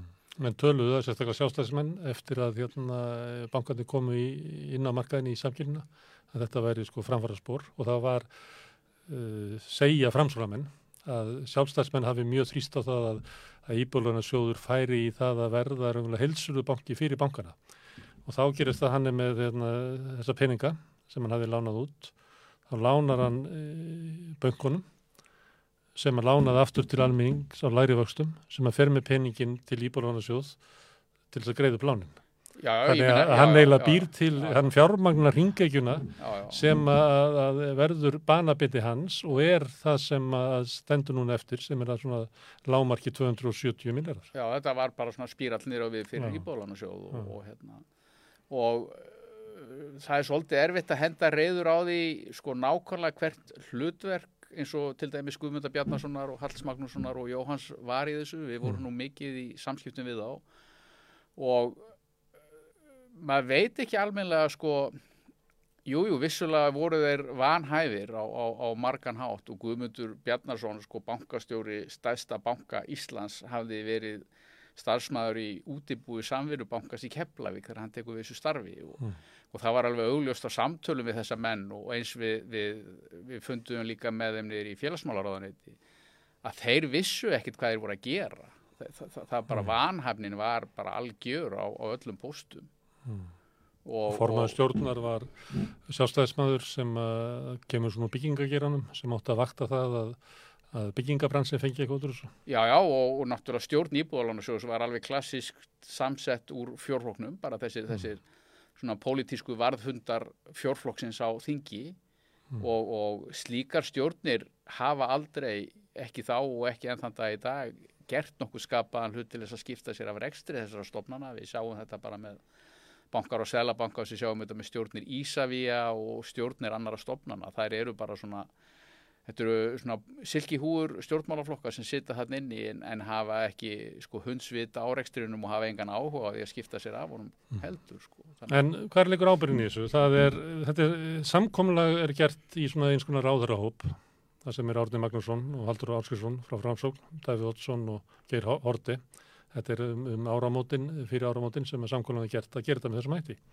Síðan náttúrulega verður stóra skipti, þannig að Haldur verður fórsættisráður og, og Átni Matt tekur við í, hérna, held ég, í fjármálöldinu.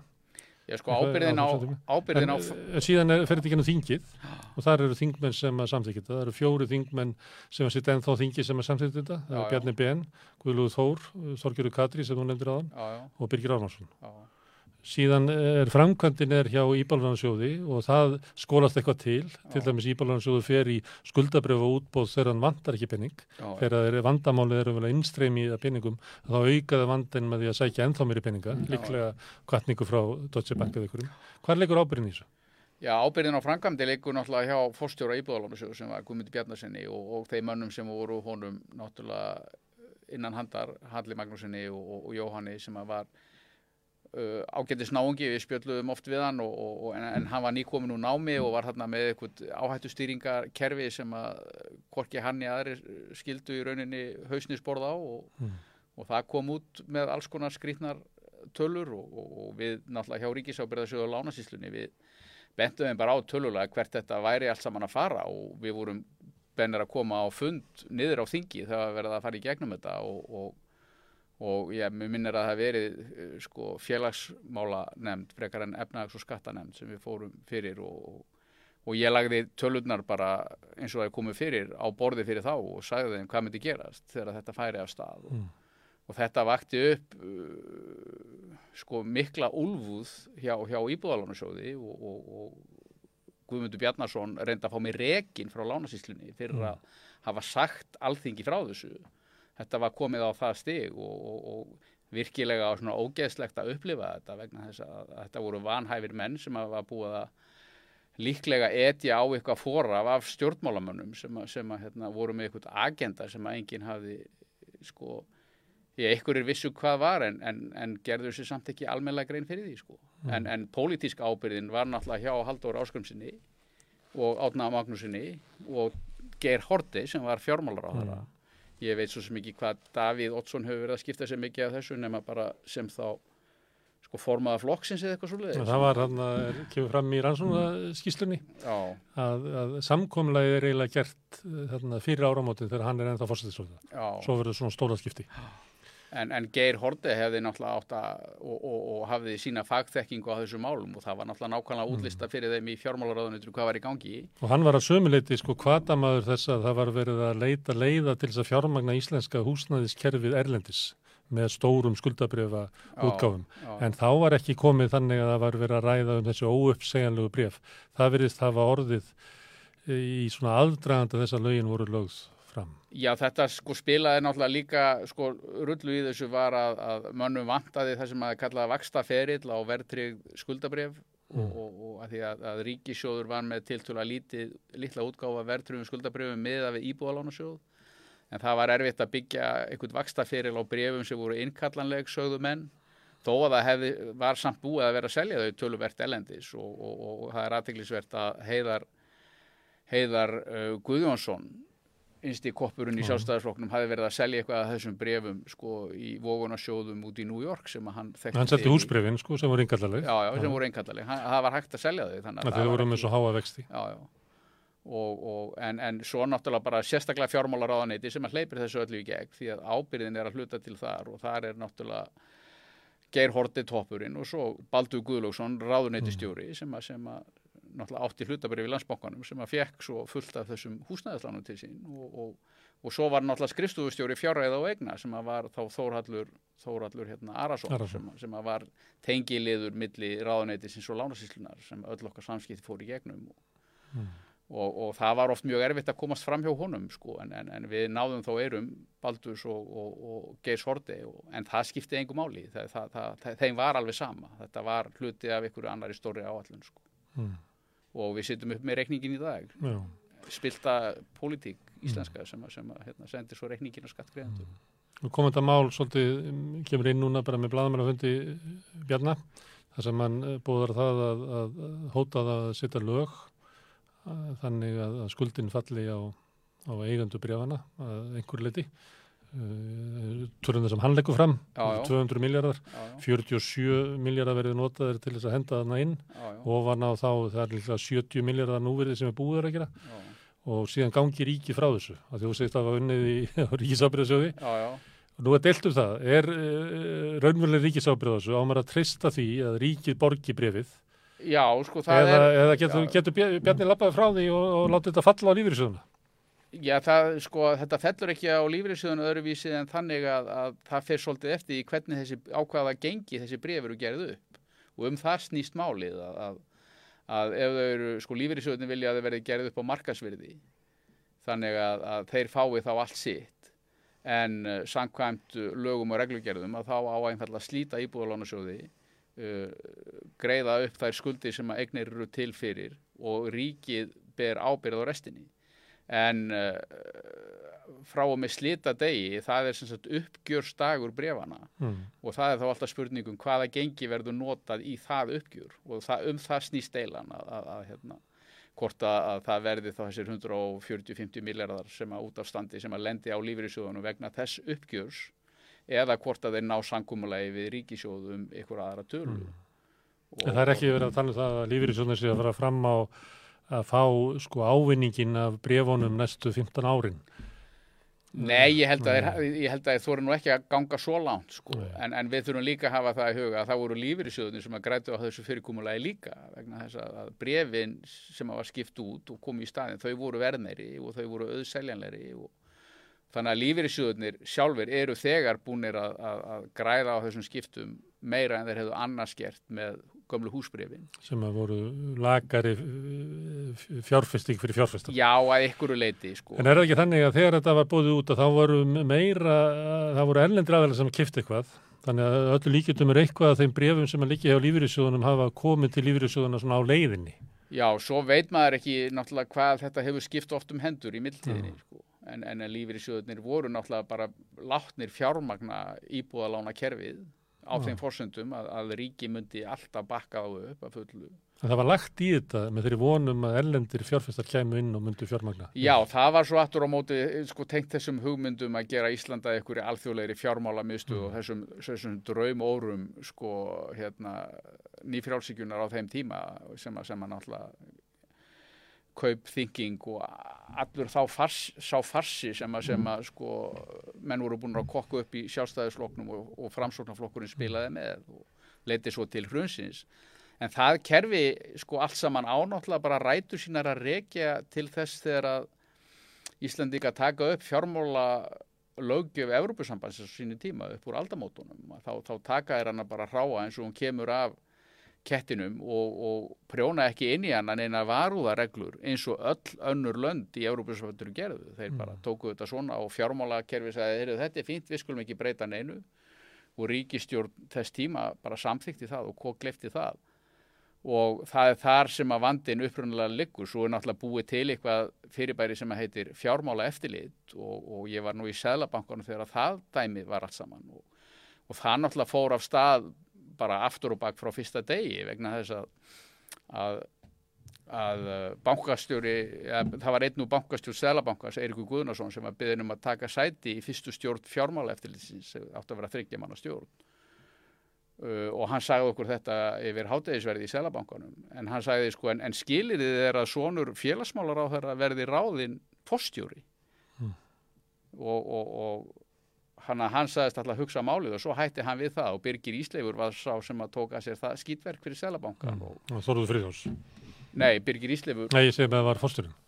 já, fyrir, sko, sá, það var Pál Gunnar Pálsson sem, að- Gunnar Pálsson, já, já, sem, að, sem að, hérna, var svo fyrsti fórstjóri fjármáleftisins Já, já. hann náði svo að koma sér út tímalega áður en að hruni varð og, og, og, og Jónas Þórir uh, Jónsson var ekki, svona Mm. Jóns Magnússonar hann var svo fórstjóri í fjármálaeftis en fjármálaeftilitinu var aldrei ætlað annað hlutverk heldur en að vera bara stimpilpúði fyrir, fyrir framsóknarflokkin og sjálfstæðisflokkin í, í fjármálakerfinu. Og, og þannig að hluti af þessum vanda liggur þar líka að, að, að ég meina þetta var bara svona, ég meina Pál Gunnar Pálsson hafði enga þekkingu eða reynslu af því að vera fórstjóri fjármála eftirlits og Selabanki sjálfur setti á stopp fjármála stöðugleika svið sem, að- sem að var nú mjög merkilegt fyrirbæri. Það var, það var, ég var í Selabankuna þá líka og þeir sem voru ráðnir þar inn áttu að vera hálgerðir ofumenni og, og þeir voru á svo háum launum að það þurfti að hækka laun bankastjórana talsvert til þess að, að fara upp fyrir þá. Mm. og menn svona spiluðu þetta með selabankan eins og, eins og þeir hafa alltaf gert. Ég minna það voru þrý selabankastjórar þegar ég var þarna. Uh, Birgir Íslefur, Eirikur Guðnarsson og, og Stengrimur Hermansson og Stengrimur Hermansson sást aldrei uh, hann bara mætti aldrei og, og svo hætti hann eftir einhver tíma. Uh, Eirikur var fagmaður fram í fingugóma sem selabankastjóri og, og, og mjög ánægilegt að skipta við hann en Birgir Íslefur sást heldur aldrei. Hann var náttúrulega hann fyrst og fremst bara hann var lögfræðingur og, og, og ekki minn eina sérþekkingu á selabankastarfsemi þannig að menn notuðu svona þessar stopnarnir út og söður eins og þeim bara síndist til þess að ná Og íbúlanarsjóðs. Já, og íbyrlónusjöld til að ná fram einhverjum hagsmunum þá í fjármála geiranum og þess áttar og það var bara daburlegt að fylgjast með þessu hvernig, hvernig, hvernig stjórnsýslan sko eh, er notuð í þessum tilgangi þá og er ennþá að manni virðist sko. Ég held að Haldur Álskilsson hafi kynnt uh, Guðun Bjarnason sem fórstur og íbúlanarsjóðs sem ráð þeirra á útlið. Já, einmitt já, já. Heldur að eitthvað byrja ábyrð á þessu máli? Nú var þetta kynnt náttúrulega öll, öll meginatri þessa mál svo kynnt í rannsóknarskíslu Alþingis 2013 um íbúlanarsjóð. Já, Uh, Guðmundur Bjarnason held blaðmennafund og sagði þetta verið ránt. já, Hallur Magnússon er búin að vera andmæla þessu hérna, allstaðar sem hann kemst, kemur því að já, já, og setja sér bara ránt á einhvern hátt. Þetta er einhverjum öðrum að kenna. Heldur að, uh, að því að þetta, þetta er svona byrt raunverulega í já. en það er ekkert gert við það Það og þeir sem að, hérna, eru raunverulega dregnir upp í skýslunni sem þeir sem að, að, ættu að byrja ábyrð. Það er bara andmælaði. Já, já. E- Alþingi hefði náttúrulega bara eins og gert var með skýslu rannsóknarnefndar Alþingi sem hrunið uh, átt að taka þann bolta og fara af stað með að skoða hvort að ætti að draga einhver af þessum mönnum fyrir landstóm og, Mm. og, og, og, hérna, og geir hortið þá hana sinn Mm. en, en, hérna, en Alþingi kaus að gera ekkit með þetta og, og, Mm. og En viðbröðin voru alveg þau sömu og þegar skýrsla rannsóknarnefndar alþingis kom út, það bara engin ábyrð á neinu og, og, og, og menn komast upp með þetta að því þeir eru aldrei látnir sæta ábyrð og, og það er bara miður. Og alþingi kemur engar ítla út úr þessu, umræða þetta mál fyrir gennum uh, vorið 2004 fyrir gennum alþingi eiginlega án umræðu. Já, já, og- skoðunar. Já, já, og ég meina eins og ég sagði á þann þá fórum við fyrir, fyrir þingnemnd með Mm. þetta mál og, og kynntum það rækilega hvað myndi gerast. Þannig að alþingi vissi alveg nákvæmlega hvað var framundan og hvað þetta myndi kosta og hvað þetta Mm. myndi þýða. En kaus að gera ekkert í málinu. Mm. Og, og, þannig að alþingi er, er að sjálfsögðu eins og í áratugi bara vanhæf stopnum til þess að taka á pólitískum deilumálum og, og, og, og láta ykkur axla pólitíska ábyrð. Það er, því miður er það þannig. Sjáum til hvað verður úr þessu máli í, í umræðinni næstu daga og vikur. Þetta er- verður auðvitað stort mál fram að áramótum og fram með þann tíma. Já, við þurfum að rifja þetta upp vegna þess að þetta er náttúrulega, þetta eru gríðarlegi fjármunir sem að spiltir stjórnmálamenn Mm. Sem bera sök á málinu er að velta reikningum yfir á almenna skattgreðendur Mm. og svo koma þeir fram í, í sjónvarpi sjálfur síðar og segja sko sjáu þið hvað ég er ábyrgur í hinu og þessu en Mm. þeir bera sök, stjórnmálaflokkarnir sem þeir standa fram fyrir Og Bjarni eh, Benediktsson sjálfur greiti atkvæði með þessum já, já, ég meina hann ber sjálfur persónlega ábyrð á þessu Mm. í gegnum þann gjörning, það er ekkit Mm. vafamál sko. Við sjáum til, herðu, látum þetta gott heita um Íbjörnarnarsjóð, en við erum ekki hægt hérna við rauðaborðið, þótt að klukkasóru margt. Við ætlum núna að tala um annað af stóru málum uh, svona þessara vikna, sem er umræða um flóttamenn á Íslandi, eftir augnablik.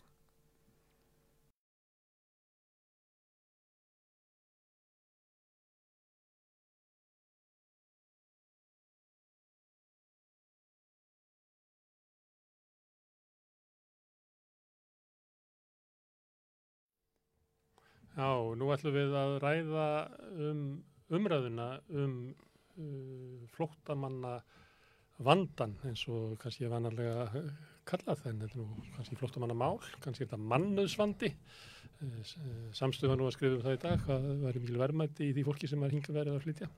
En það hefur verið mikla sviftingar í haust í þessu málum og, og byrjaði svolítið með nýjum tóni sem að Jón Gunnarsson, dómsmálráðara, gaf í þinginu í haust þegar hann kynnti hann var á leiðinni enn einu sinni með breytingar á útlendingarlögum og nú vegna þess að grunnstóðið samfélagsins var að kikna undan auknu álægi vegna aukins flottamannaströms. Til að ræða svona hvernig þetta hefur farið í þjóðina og í umræðina eru hinga komnir tveir herramenn, Allir Þór Fandal, uh, frangatastjóri Transparency og Birgir Þórarinsson, Haka Byggi Veira, tónlistamæður og góður gestir Rauðaborsins frá uppafi, eða æsku félagi Rauðaborsins. Já, við vorum að, hérna, með förstu dagana þegar við vorum að reyna að gera skemmti þetta. Þeir voru mjög skemmtilegir en Já. þeir voru kannski bara fyrir það essentrik fólk að var kannski nú margir. Já, skemmti þetta fyrir sérutríka. en herðu, allir Þór, hvernig finnst þér þessi umræð? Er breyting á henni? Eða hefur hún alltaf verið? Er hún eitthvað komið upp á umræðinu, upp á yfirborðið sem að var? Hva, hvað er ekki, er það meiri harka? Þetta er svona að einhver leiti finnst með framhald af því hvernig sjálfstæðarflokkurinn sérstaklega og framsónarflokkurinn er oft svolítið með því talar um hælaslendur. Ég meina þetta er raun og veru ef við förum yfir það sem hefur verið rætt þá hérna verður að auðvelda fólki að fá atunleifi, við getum ekki hjálpað öllum, það eru miljónir sem vilja flytja enga og þetta er allt sömu talpuntanir. En það sem kannski er uh, svona sorglega að horfa upp á núna er að er að það er farið í þennan pakka að mikill hörku að sko hrun stopnarna samfélagsins sé sko fólki leita vend að kenna. Við ráðum einhvern veginn allt í einu ekki við það. Það er ekkert með að gera að það er búið að svelta þessar stopnarnir. Það er ekkert með að gera hvaða efnastefna er rekin hérna. Það er vantilega þá ekkert með að gera sko hver hérna mannuðs, eða mannafsvandin er á landsbytalanum eða brotin húsnæðistefna. Jón var bara að ítaka þetta í þinginu núna á þann, ég var aðeins að hlusta á hann í dag og hann var að segja að sko sveitafélagin bara gæti ekki meir, það væri alltaf brotna og við yrðum að grípa til aðgerða og herða lögin í kvelli.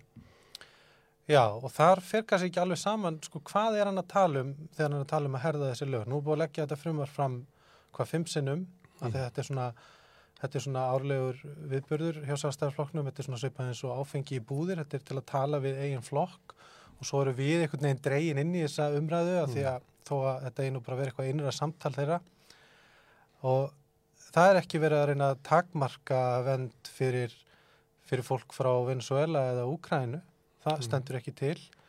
Uh, í raun og veru er það eina sem er verið að gera er að sko auka heimildi til að henda fólki á götuna. Mm. 30 dögum eftir sinjun. Já, þannig að sko það er alveg sama hvernig fólk reynir að ramma þetta, þetta er bara samtal um mannúð eða ekki Mm. og þess Þú vegna kaupir það ekki að, að þessi lagabreiting muni bjarga því að það eru 39 börn í Hafnarfyrði sem eru án skólagöngu eins og þau komast ekki í skólana að þessi lög breyta því ekki. Nei, ég held nú reyndar að, að ef við viljum, ef okkur væri alvara í því að takast á við það, þá myndi nú ríki, ríki kannski til að vera tilbúið að taka samtal um tekjuskiptingu millir ríkis og sveitafélag sem er nú reyndar hansi gamalt mál. Nei, þetta kemur því máli bara ekkert við. Það er ekki arða af sannleik í því að, hérna, að hér séu sko hælisendur og flóttafólk að, að brjóta niður stopnarnir samfélagsins. Þetta er á sér miklu lengri sögu og snýst fyrst og fremst um það að það hefur ekki verið vilji hérna undanfatna já, áratugi til þess að byggja upp þessar stofnanir, til þess að fjármagna þær raunverulega. Sko, við getum verið náttúrulega farið og skoða hvaða mál sem er. Við tökum húsnæðismálinn til dæmis.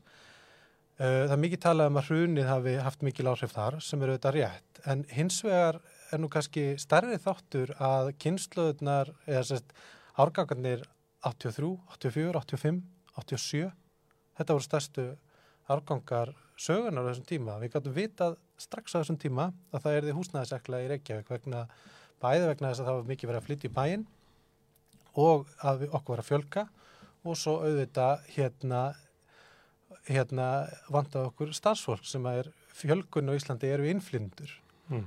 Um, þannig að þannig að svona soldið ódýrt og raun og veru bara mjög anstyggilegt að láta eins og einhverju sko einhverju örfáður aðilar sem að eiga vist að vera að ferðast á fölsum skilvíkjum sem að reyndar er réttur brjóta innviðina og grunnkerfi samfélagsins. og það er reyndar réttur flotta fólk sko af því að það er ekki þannig að þú farir til Talibana í Afganistan og byður um vegabrif sko Mm.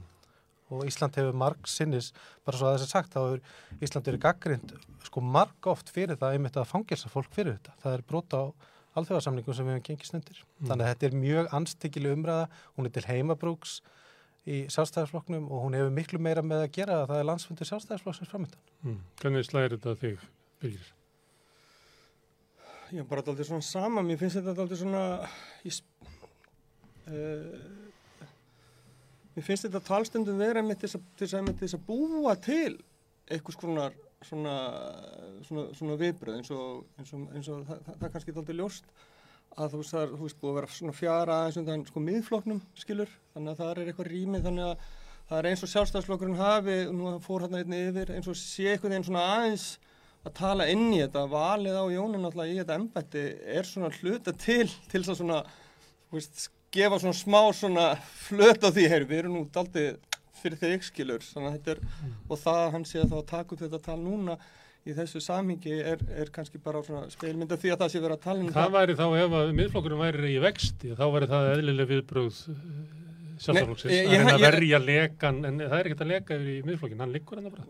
Nei, en þetta er samt sem að sjóna mig sem e, fólk, fólki, veist, fólk hefur svona uh, rasista smitar þjóðirnis hérna, tilfinningar, skilur, sem að náttúrulega miðflokkurinn var aldrei svona að tappa inn á og þetta fólk er ekkert farið, veist, það dó ekki fólki sem kjó- kjósa miðflokkin, það er bara einhvers staðar að kjósa eitthvað annað og þannig að það er alveg hægt að tala til þess, þess, þessara tilfinninga sem að, sem að mér finnst bara eins og allir tala um, þetta þetta aldrei svona að vera að prófa það, Mm. skilur en, en alveg rétt eins og, eins og með þetta þetta er sko náttúrulega bara náttúrulega bara sorglegt að, að hérna, að þessi þessi hagræðingar krafa þú veist, leiði alltaf til þeirra niðurstöð að það er verið að gera hluti af vanefnum og, og það er í raun og veru ekki hægt að bæta við neinu álægi aldrei, skil, þetta er bara eins og með fyrirtækjum þau bara, þú veist, það er allt bara tekið innan úr þeim, þú veist, það er ekkert eigi fyrir þess að standa af sér einhverja Mm. erfiðleika, það bara, ef það koma erfiðleika þá fær bara allt í vaskin, af því að það er búið að strímlæna allt svo mikið. Þannig sem átti að vera lærdómur sko eftir COVID að við ættum ekki að reka stofnunni samfélagsins þannig á, á bara eins og flugfélag að háma snýtingu það var einnig lærdómanum sko um helbriðiskerfið að þú átt að hafa borð fyrir báru, annars kollsteipur í kerfinu þegar kemur eitthvað álag. Já, En en, en, við en, erum en ekki við að læra höfum því. svona alltaf bara svona, en kannski stutt sem COVID var og það snýst náttúrulega alltaf um svona mönnun og þú bara einhvern, veginn skullar ekki bara blöðin og vantar hérna ókslega mikið fólki í helbilskerfið og það bara kemur, veist, Mm. þetta er, þetta er dálítið svona seg fljótaði vandi sem að er ekki að leysa neitt hratt og, og hérna og, og, eins, eins, og, eins og þú varst alltaf að kalla eftir og það er engin svona svör kannski almennilega e, e, hvað á svona að gera til skams tíma? Það er náttúrulega hluti af þessari umræðu líka veist, hvernig, hvernig er þetta bregðast við því og, og akkurat træðan til þess að fara af, af þessu í einhverju alvöru með sveitafélunum að finna finna pláss fyrir þetta fólk Er það þannig, er það þannig veginn get, get, get, get allavega komið sér fyrir og, og hérna einhvern veginn byrja bara að láta sér líða sæmila og, og finna einhvern nýjan takt í þessu samfélag okkar. Er það þannig að það sé allir saman á því að, að grunnkerfi í samfélagsins eru á þolmörkum Já, meni þau eru það, Mm.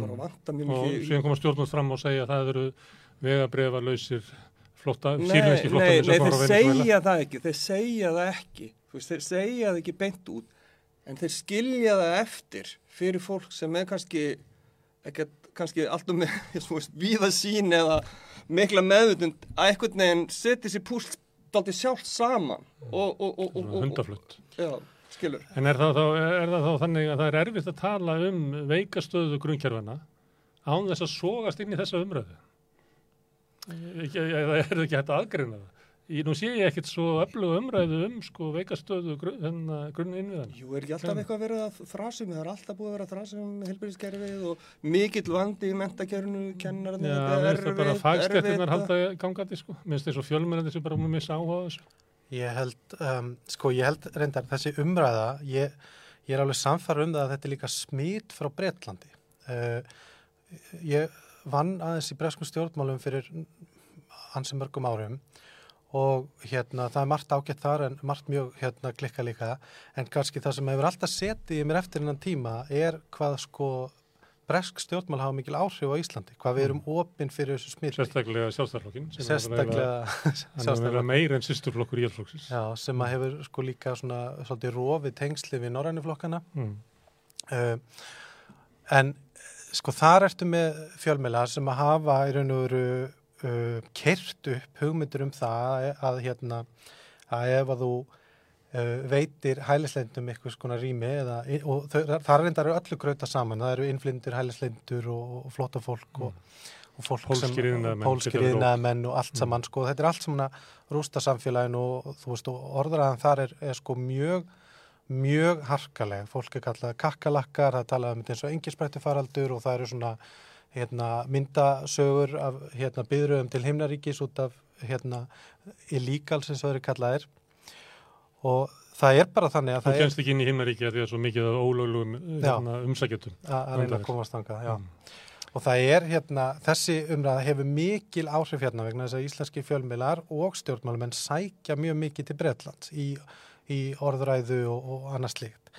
En hérna, en sko, það er erfitt að forðast þessa umræðu og þeir eru auðvitað að vita það vegna þess að um, það þarf einhver að taka upp hanskan fyrir fólki sem að er notabenni eiginlega aldrei tala við. Við tölum um þennan hóp og við ræðum þetta á svona þeim fórsendum sko að það sé ofsalega ljótt að draga einhverja línu í sandin, þú veist, milli góðs og vond sko, en, en það má aldrei segja það upp átt að það er sko mjög ómanneskilegt að tala um hérna fólk sem sko gott eða vond, eftir svona verðt eða vond, þú veist, að hérna að því að þú ert hérna að koma hérna og flýja og sækja vend, þá ert þú álægið á, á kerfinu en ekki bara þú veist, það að hér fæðast bara hellinga bönnum og, og hér er bara greiðalegu túrismi og okkur hefur fjölga mikið og það hefur ekki fyllt fyrir með. Mm. En hérna, en svo er líka annað að, að sko, sjálfstæðarflokkurinn náttúrulega saga þessa flokks er svona saga flokk sem að hérna lifir af með því að benda alltaf á aðra. Hann er algjörlega ófær þessi flokkur á að taka ábyrð á eigin gjörðum. Þannig má til dæmis sjá núna með íbúðalánsjóðsmálið, ég meina þetta, þeir bara hald, hérna sjálfstæðarflokkurinn og frásunamenn, Mm. þeir bara haldum alla þræði þessa máls. Þeir hunsuðu þetta, það voru þeir sem þetta. hérna, þeir smíðuðu þetta þetta. þeir kaffærðu rannsóknarskíslunum í Bálansjóð Mm. hunsuðu hérna, framtíð, nefndinum framtíðarskipanans þeir hérna, kostuðu meiri pening með leiðréttingunni uh, en hérna en núna uh, hérna, stígur sko, þeirra ráður að fram og, og vill meina að hans sé að taka þessa umræða mikill ábyrð Mm. og við bara, hann við, sem berga klúður í annara. já, við bara markasins er sko 100 miljardar síðan á föstu daginn Mm. og íslenskir íhaldsmenn þeir bara fagna þessu sem er ábyrgri pólitík á meðan sko breski íhaldsflokkurinn sem að þarna ætti nú að koma ágætti smitt þeir náttúrulega kostuðu sínum bæði sínum fjármálaráðara og fórstráðara út á 45 dögum Mm. þannig að hérna já það er auðvitað erfitt að forðast þessa umræðu en ef einhverju gætu aðstofa okkur við það þá auðvitað væri það svona hérna talandi stjætti sem að láta alltaf soga sig inn í eitthvað svona innanflokks umræðu sjálfstæðarflokks. Það er bara landsfundu framöndan og þau eru bara, og flokkun er bara að tala um hérna að enga veða ríkisútarpið og, og hérna minga flæði innflytunda og allt þetta dót.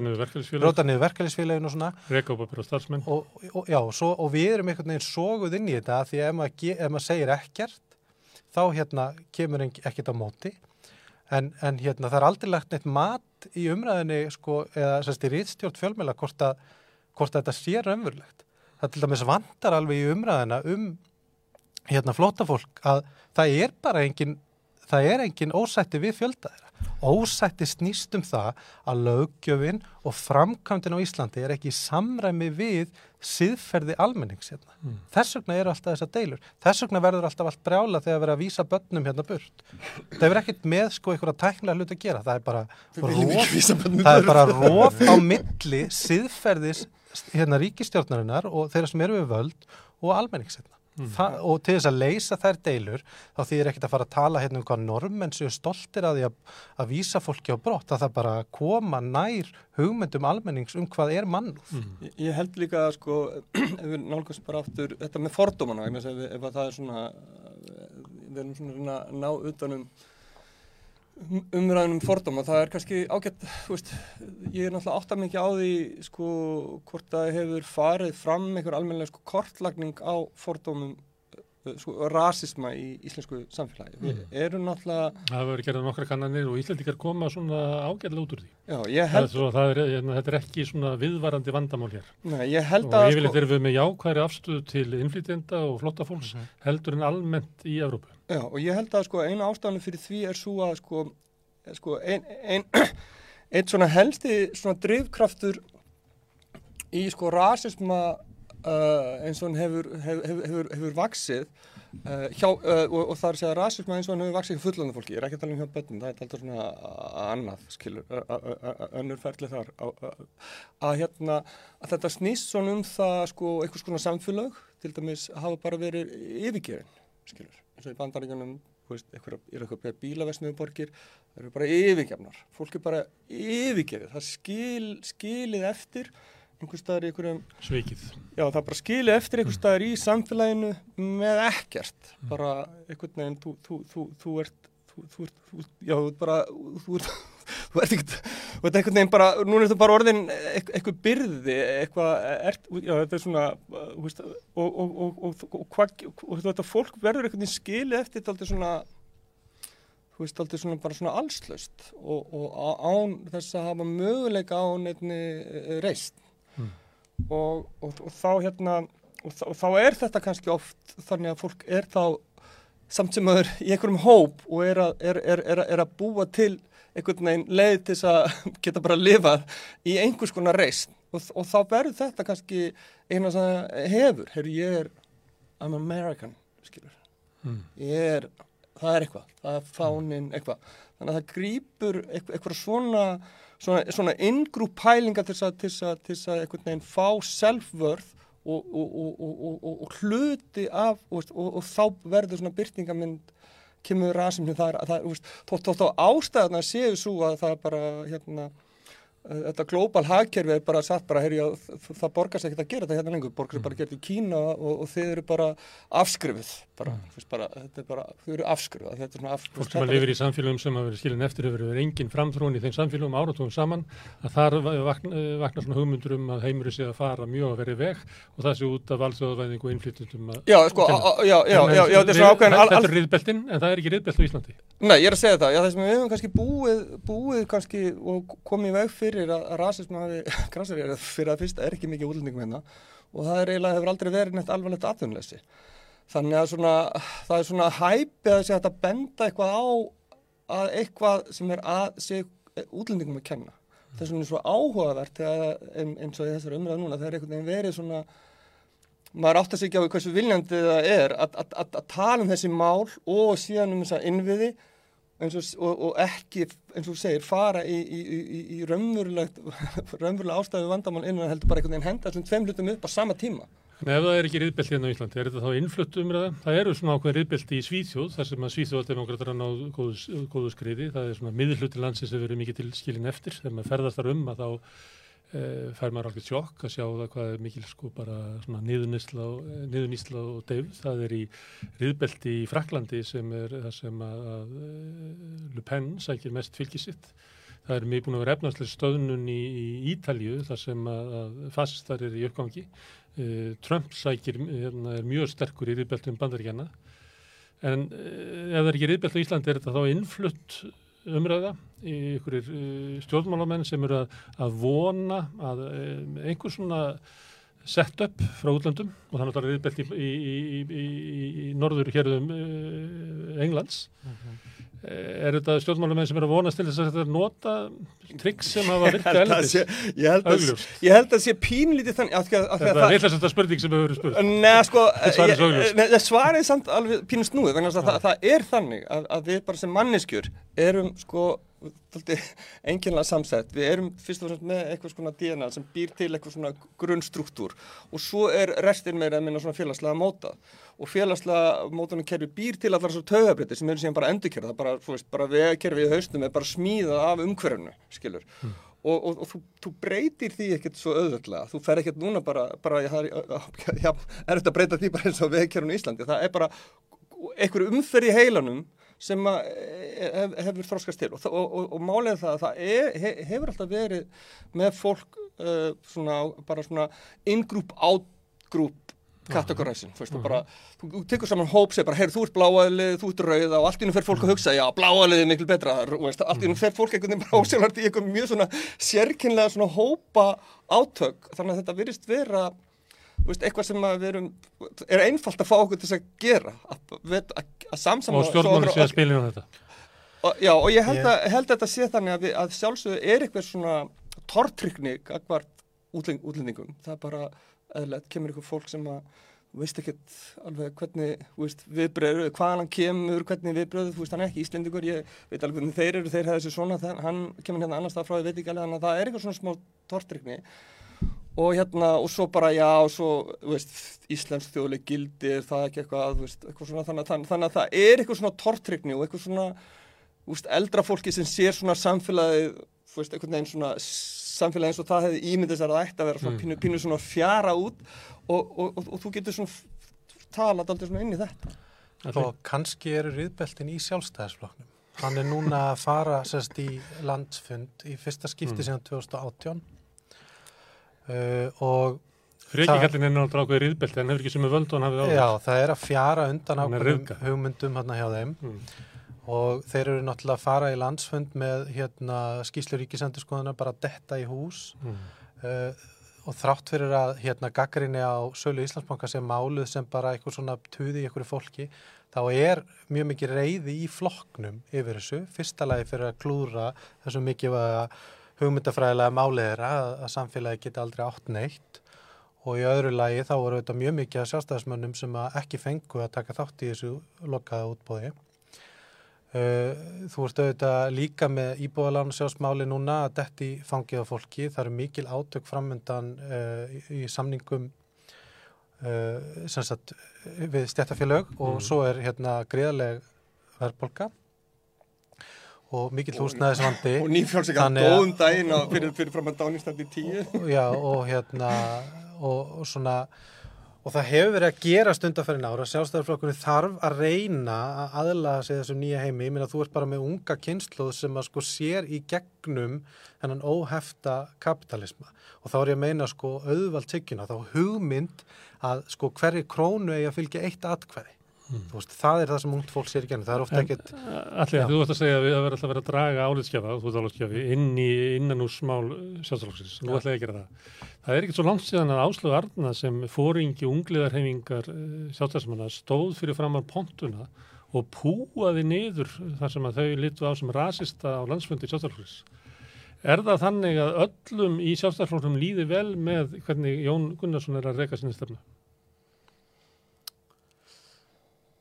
Já, ég myndi nú gera ráð fyrir því að Það heyri ekkert í þessu fólki. Myndi, ég það- myndi gera ráð fyrir að það sé ekki þannig að öllum líði vel með En þetta þau segja ekki, það, það hefði ekki. en hérna hópurinn er fann að þjappa sig það mikið saman að, hérna, að þau segja ekki neitt um, já en sko E- ef, ef, að ég má samt já. segja eitt bara, þú veist, Mm. og ég veit að sjálfstæðismenn hafa engan áhuga að hlusta á mig þá vil ég samt segja eitt sko þetta er bara eldur sem er mjög hættulegt að leika sér að Mm. og það er ekki þannig að þegar þú veist, Þeir að gera þegar það. það er Þeir kveiknað ætla að það. að brennuvargarnir Bjarni geti- Benediktsson kom sérstaklega upp í umræðurum til þess að lýsa við stuðningi við Jón. Mhm. Hann er komið fram í fjölumilum og Já. svona hálfpartinn dreigði tilbaka að Jón sé að fara út í ríkistjórn sem er bara merkið þess að hann er mjög ánæður með störfans. Já, þeir ætla að gera það. En það, það er stórhættulegt að leika sér að þessu, sko. Og það, þetta er ekki hvað sem þú nærða að stjórna. Mm. Og, og ef ég má bara nefna eitt dæmi hérna um það hvernig er ekki hægt að stjórna þessu, að sko, þá er það þannig að miðflokkurinn spilaði mikið með þetta. Og þau ætluðu alltaf að, hérna, þau þurftu alltaf að toppa sig. Og svo endaði þetta einhvern veginn þannig að, að hérna, Simundi Davíð er með þrá ekki núna yfir sko transmálum sem að það eru bara ekki nógu margi kjósendur sem að láta sig, Mm. veist, og hérna, þannig að sko, þú veist, miðflokkurinn eru brunarústir eftir þetta núna. Hann er, veist, það þýðir ekkit að vera að spá mikið í þeim flokk. En hérna sjálfstæðarflokkurinn hins vegar er öðruvísi flokkur. Þetta er bara flokkur sem á sér langa sögu þess að vera við völd hérna og það er, veist, það er hættulegt fyrir fólk í þessum flokk að leika sér að þessu. Þetta er ekki réttmætt leið, það er ekki þannig að fólk sem að komi hérna á flótta sé að rústa innviðum samfélagsins og áður en þið vitið af þá sko þá getið þið ekki farið fram á þess að sko trompa þetta með hverju kostningu og hverju árin. Mm. Að En er það ekki bara stórhættulegt. þannig, þetta er, þetta er náttúrulega, er þetta alltaf að sjá sko að, að, að sjálfstæðisflokkurinn, nákvæmlega sem þú sagðir og taldi upp þessi, öll þessi erfiðu mál, að hann er náttúrulega komin í taldi svona erfiða varnarstöðu, hann er alltaf svona einhvern veginn að minka og ég hugsaði næstu kostingum þá getur hann ekkert einhvern veginn treyst á það að framsvonarflokkurinn og VFG mun einhvern veginn Vilja vera með. vilja vera með, þau, þau eru að fara að finna það að, að, hérna, að, að, að þeir eru að verða skildir eftir, þannig að ég held að það, þeir eru náttúrulega bara að Já. leita þess að því, hvernig ætla þeir að, að krafs í bakkan og, og, og koma einhvern veginn tilbaka. Þeim leiðist í þessar ríkistjóð. Já, Það er að fara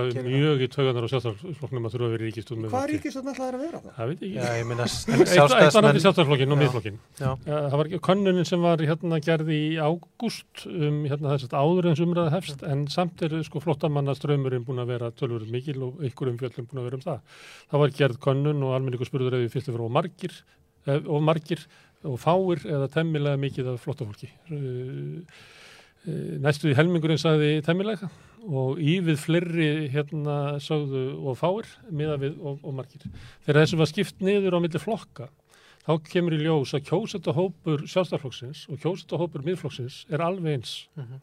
Það er alveg jaft fáir, það eru eiginlega færri eh, inn í sjálfstæðarflokknum sem að svöruðu í að væru og fáir flottamenn.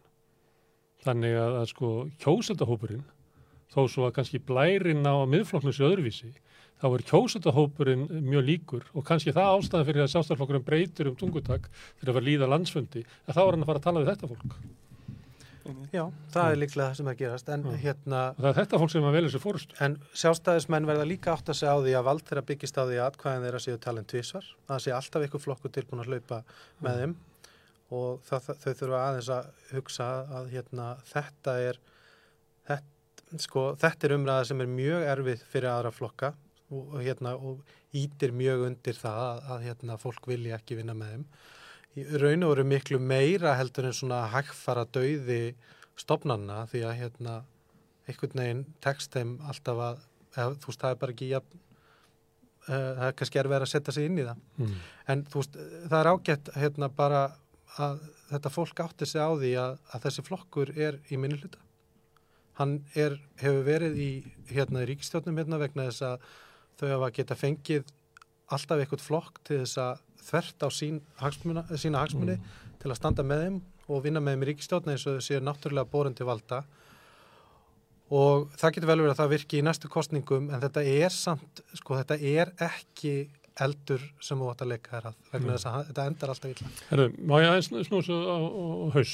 Hérna, það eru mikla breytingar, samfélagsbreytingar í Íslandi, meðal annars út af fjölgun innflytjenda. Það er bara til þeirra stutt síðan, ég held að það er bara 4-5 ár, síðan að, innflytjendur voru innan við 12%. Nú eru þeir í, í, í fyrsta september, eða í lók september, voru þeir eh, 16,3%. Það er gríðaleg fjölgun á ótrúlega skamum tíma. E, það sem af er eh, árinu á fyrstu nýju mánuðum ásins þá fjölgaði landsmönnum um rúmlega 9.000 manns. Þar að voru hérna, 5.500 sem eru fættir umfram dána en það voru 490 íslenski ríkisborgarar sem að fluttu til útlanda umfram það sem fluttu heim. Þannig að fjölgunin eftir þetta eru bara 60 manns. Hitt eru 9.000 manns sem eru innflyttutur sem er að koma til Íslands. Og þessu fylgir náttúrulega gríðalega breytingar. Við sjáum að í verkefæðsfélögum eins og í eblingu, verkefæðsfélagi Akranes er meirinn helmingurinn af félagunum eru innflytjendur. Uh, gríðalegt álag á leigumarkað, gríðalegt álag í samfélaginu, við heyrum umræðu, það er mikil umræðu um íslenskuna sem að, að, að kemur fram. Getur verið að af ótta við hérna, e, e, rasísku skotgrafinnar að þá ræðu bara of lítið um innflytjendamál og áhrif, áhrif þess á samfélagið. Ég, sko, ég held að þetta sé, sko, va- vandamáli við þessa umræðu er það að, sko, það er óleifilegt að vera með rasíska skoðanir. Það er bara fyrsta, þetta er svona eitthvað bara svona no-no, bara, þú veist, ef þú ert með skoðanir, það, og þess vegna, og þá bara, þá er þetta bara off, þá er þetta Mm. bara, þú veist, þá er þetta bara kansileraður, skilur, En, en ef ég myndi segja að uh, innflutningur fyrirtækja eigenda á, á vinnuafli til Íslands hefur haldið niður í kj- launakjörum lálænafólks. Er það rasist skoðun? Uh, já, sko, þegar ég segi rasísk skoðun þá á, á ég við uh, kannski, er þetta náttúrulega orðið hugtaki rasísk, en bara eitthvað svona umræðu að hún bendir á einhverja, neikvæða hlið að þessum samfélagsbreytingum. Fattur, Mm. eins og þú ert að segja. Þarna varst að segja og þú bendir einhverja neikvæða hlið að þessum samfélagsbreytingum og þá er hægt að segja það að þú sett bara þá er hægt að henda því inn í eitthvað svona rasismat tal og þetta er alltaf, alltaf eitthvað þunn, þunnlína hvenar ertu að þú, þú farin að lýsa einhverju óanægju Ég er að spyrja hvort þú óttu svona umræðu. Þú nefndi gamla fólki á þann. Það, það sé hrætt við... eh, Ég held- ég Það held- kannski er á hjógrunarheimili það sem eru sko 70% eru innflytjendur og það er fólk sem ólst upp í Íslandi þegar það var í lengin útlendingur í það. Þannig það er svona mikið svona félagslegt álag á já, já, eldra fólkinu. já, ég meina sko áðurinn fyrir bara eitthvað að kommenta það myndi Já. ég segja að, að það er að sjálfsögðu mjög hættulegt að fara inn í erfið umræðu sérstaklega sko veist, eins og til dæmis uh, myndi ég halda fyrir svona fólk uh, sem er svona eitthvað svona liberar fólk vegna þess að, það- er svo hrikalega banna að vera með að velta upp einhverjum hliðum sem á ekki hliða að það fer allt, allt og veist, fólk er svo emotional, það fer bara allt, allt, allt á hliðina. Og þú ert bara cancelaður og þú ert bara off og þá er ekki hægt að hafa í vinnu og þetta, þetta verður á svona rosa erfitt að það sé ekki hægt einmitt að segja að, set, að einhvern veginn opna umræðuna og tala um einhverja hluti í einhver samingi þannig að veist, ég er að segja, mér langar bara að tala um þetta veist, þetta er svona, ég er ekki minn einhvers stakar skoðun, það þarf bara að tala um þetta ég vil geta bara að tala um þetta bara þess að að, að því við þurfum mikil ekki að tala um þetta er mikil breyting. en, en það er ekki hægt að gera það út af því að, að ef þú byrjar að byrjar, ef leðu þú segir já þetta er búin að lækka launin og svona að þá bara strax, já hann er á móti. Já. þá, þá, þá, þá, eru dregnar álíktanir um, um, um hvernig sín þú lítur á þetta fólk með þessum sagðir í staðan fyrir að reyna bara einhvern veginn að, nál, að, reyna að skilja skilja sko vandamálum sem við erum að reyna einhvern veginn að, ná utan. Samtök leigjanda reyndu á kurstislan hátt þegar það var hérna Úgrænu innráð sem byrjaði að benda á þetta. Að segja að með, þegar við tækjum á móti flottafólki frá Úkrænu þá verðum við að hafa í huga sko, leigumarkaðurinn og húsnæðismarkaðurinn í Íslandi sprungin þannig það er ekki hægt að gera þetta nema að vera með aðgerðir í húsnæðismálum á móti. Og þetta var bara skrifað á glerbrotum. Og síðan var þetta sett út og þetta er náttúrulega staðan sem hefur komið í ljós að þetta hefur gert ástandi bara ennverra en þetta næri ekki umræðu og ég er að, það sem ég er að velta fyrir mig, getum við ekki rætt um, um hérna, þessar samfélagsbreytingar sem eru vegna þess að við borðið sittur Simundur Davíð og Jón Gunnarsson með bensinbrúsana og við bara við þórum ekki að ræða þetta vegna þess að þeir getur farið að sulla bensinni já, já, Já, kannski svari við öllu svona er að hérna er að gera bara svolítið kröfu á sko gögn og hérna að þetta sé byggt á ykkurum raunverulegum upplýsingum. Ég meina það er, þú orðaðar þetta til dæmis með þeim hætti að það sem þú gerðir sko aturreikandur á bekka mm. gerðir það er þeir sem flytti inn. Og gerðir ekki hérna fólki sem er að bara að sækja þetta vinnu á byrt Mm. uh, það skiptir myndi ég segja skiptir svolítið máli. En, en og svo kemur aftur sko við getum alveg sko við getum alveg rætt um hérna málefni innflinda, við getum alveg rætt um þessar samfélagsbreytingar og við erum eiginlega alltaf að ræða þær en við erum svolítið först alltaf í sko sömu spurningunum. Um, ég hef stundur sagt það sem dæmi þegar ég byrjaði hjá Transparency, þú veist það var svona sex mánuða tímabil þar sem að ég fór aldrei í viðtal að hans að vera spurður, þú veist er spilling á Íslandi? Mm. og þetta er ekkit rosalega gagleg spill, hérna, spurning vegna þess að veist, svarið er ekkit já eða nei. Þú veist, þú, ert að vera, þú átt að vera að spyrja þig sko hvort að, hvort að hérna, það sé eitthvað í kerfinu sem búið til spillingar áhættu eða annað slikt og, og sama hugsa ég að sé til dæmis upplifun uh, fólks af erlend, erlendum uppruna sem að þú veist það er alltaf að horfa upp að þessu spurninga. Og er, er rasismi á Íslandi? Og við þurfum auðvitað kannski alltaf að ræða það en við þurfum að komast eitthvað aðeins lengra í þessu. Og þegar hérna þegar kemur að umræðu um það til dæmis hver er ágóðin hérna fyrir þetta samfélag af infljöndum, hvað leggur fólk til? Þá eru örgulega fá lönd bara hreinlega í heiminum sem hafa grætt jafn mikið, fá samfélag sem hefur jafn mikið verið lagt til. Við erum með sko gríðarlega hátt hlutvall af fólki sem að er að vinna. Uh, þetta hefur ítt undir fjölgun sem við þurfum svo sannarlega á að halda. Þetta hefur þó ekki verið nóg Þetta til stoppað öldru þjóðarinnar. Já, Vandamálið sem að við sáum fram á sko 1980-1990 að hérna myndi vera svo fáir vinnandi menn að móti sko börnum og gamlum, það er og, horfið. sko, og þrátt fyrir þessa miklu breytinga þá er þetta ekki nóg til þess að sko svala þörfinni, í raun og veru þurfum við fleiri. Og, stu, og stuð, stuð skot bara hérna eins og bara líka, þú veist, innflytjendur eru líka bara þeir sem hafa, hafa byggt upp nútíma íslenska menningu, þú veist, kent okkur á hljóðfæri og kent okkur að elda eitthvað mat annan, sín hákall og svona, þannig að það, það, það, það eru innflytjendur sem að sem að eru stór, veist, mjög, mjög, mjög, mjög, gerandi fólk í því að skapa íslenska nútíma menningu. Þeir eru bara, ef að, að innflytjendur takja upp að gera það sama og konur gerði 1975 og lappa út, að þá myndi Íslands samfélag stoppa. Þá held ég að það væri eiginlega, eiginlega hveta til þess að gera það. Því að þá myndi átt, fólk átt að segja á því, sko, hvað það, að Íslands samfélag bara virkar ekki án, sko, innflytjenda og það var 20.000 af innflytjendum. Já, en ég, ég, ég, ég ætlaði líka bara að fá að segja sko til dæmis hérna á samstöðinni þá hafa verið þættir þar sem fólk Mm. hérna fara að tala um sinn raunveruleika Mm.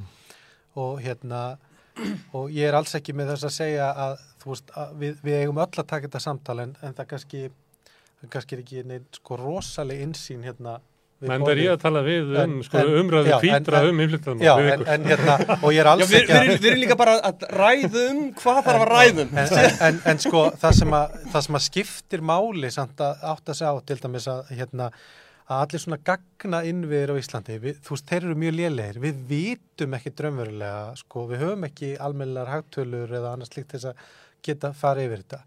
Uh, það, sko, það er, hérna, það er ekki þannig að það sé hægt að tengja við fjölgun innflytenda, sko, herri glæpatíni eða annars líkt. Mm. það, það, sko, og það skiptir máli, það er ekki það, veist, það er verið að búa til svo mikla gríð. Og það er ekki eins og nægt í Svíþjóð, hún var hérna í viðtalið við Rauðaborði, hún Margrét Valdimarsdóttir afbrótafræðingur. Það sem vandamálun er í Svíþjóð eru alveg þekkt vandamál. Það sem gerist er að hlutfall ungherra, eða svona kalla á aldrinum svona 16 til 30 ára er á hátt.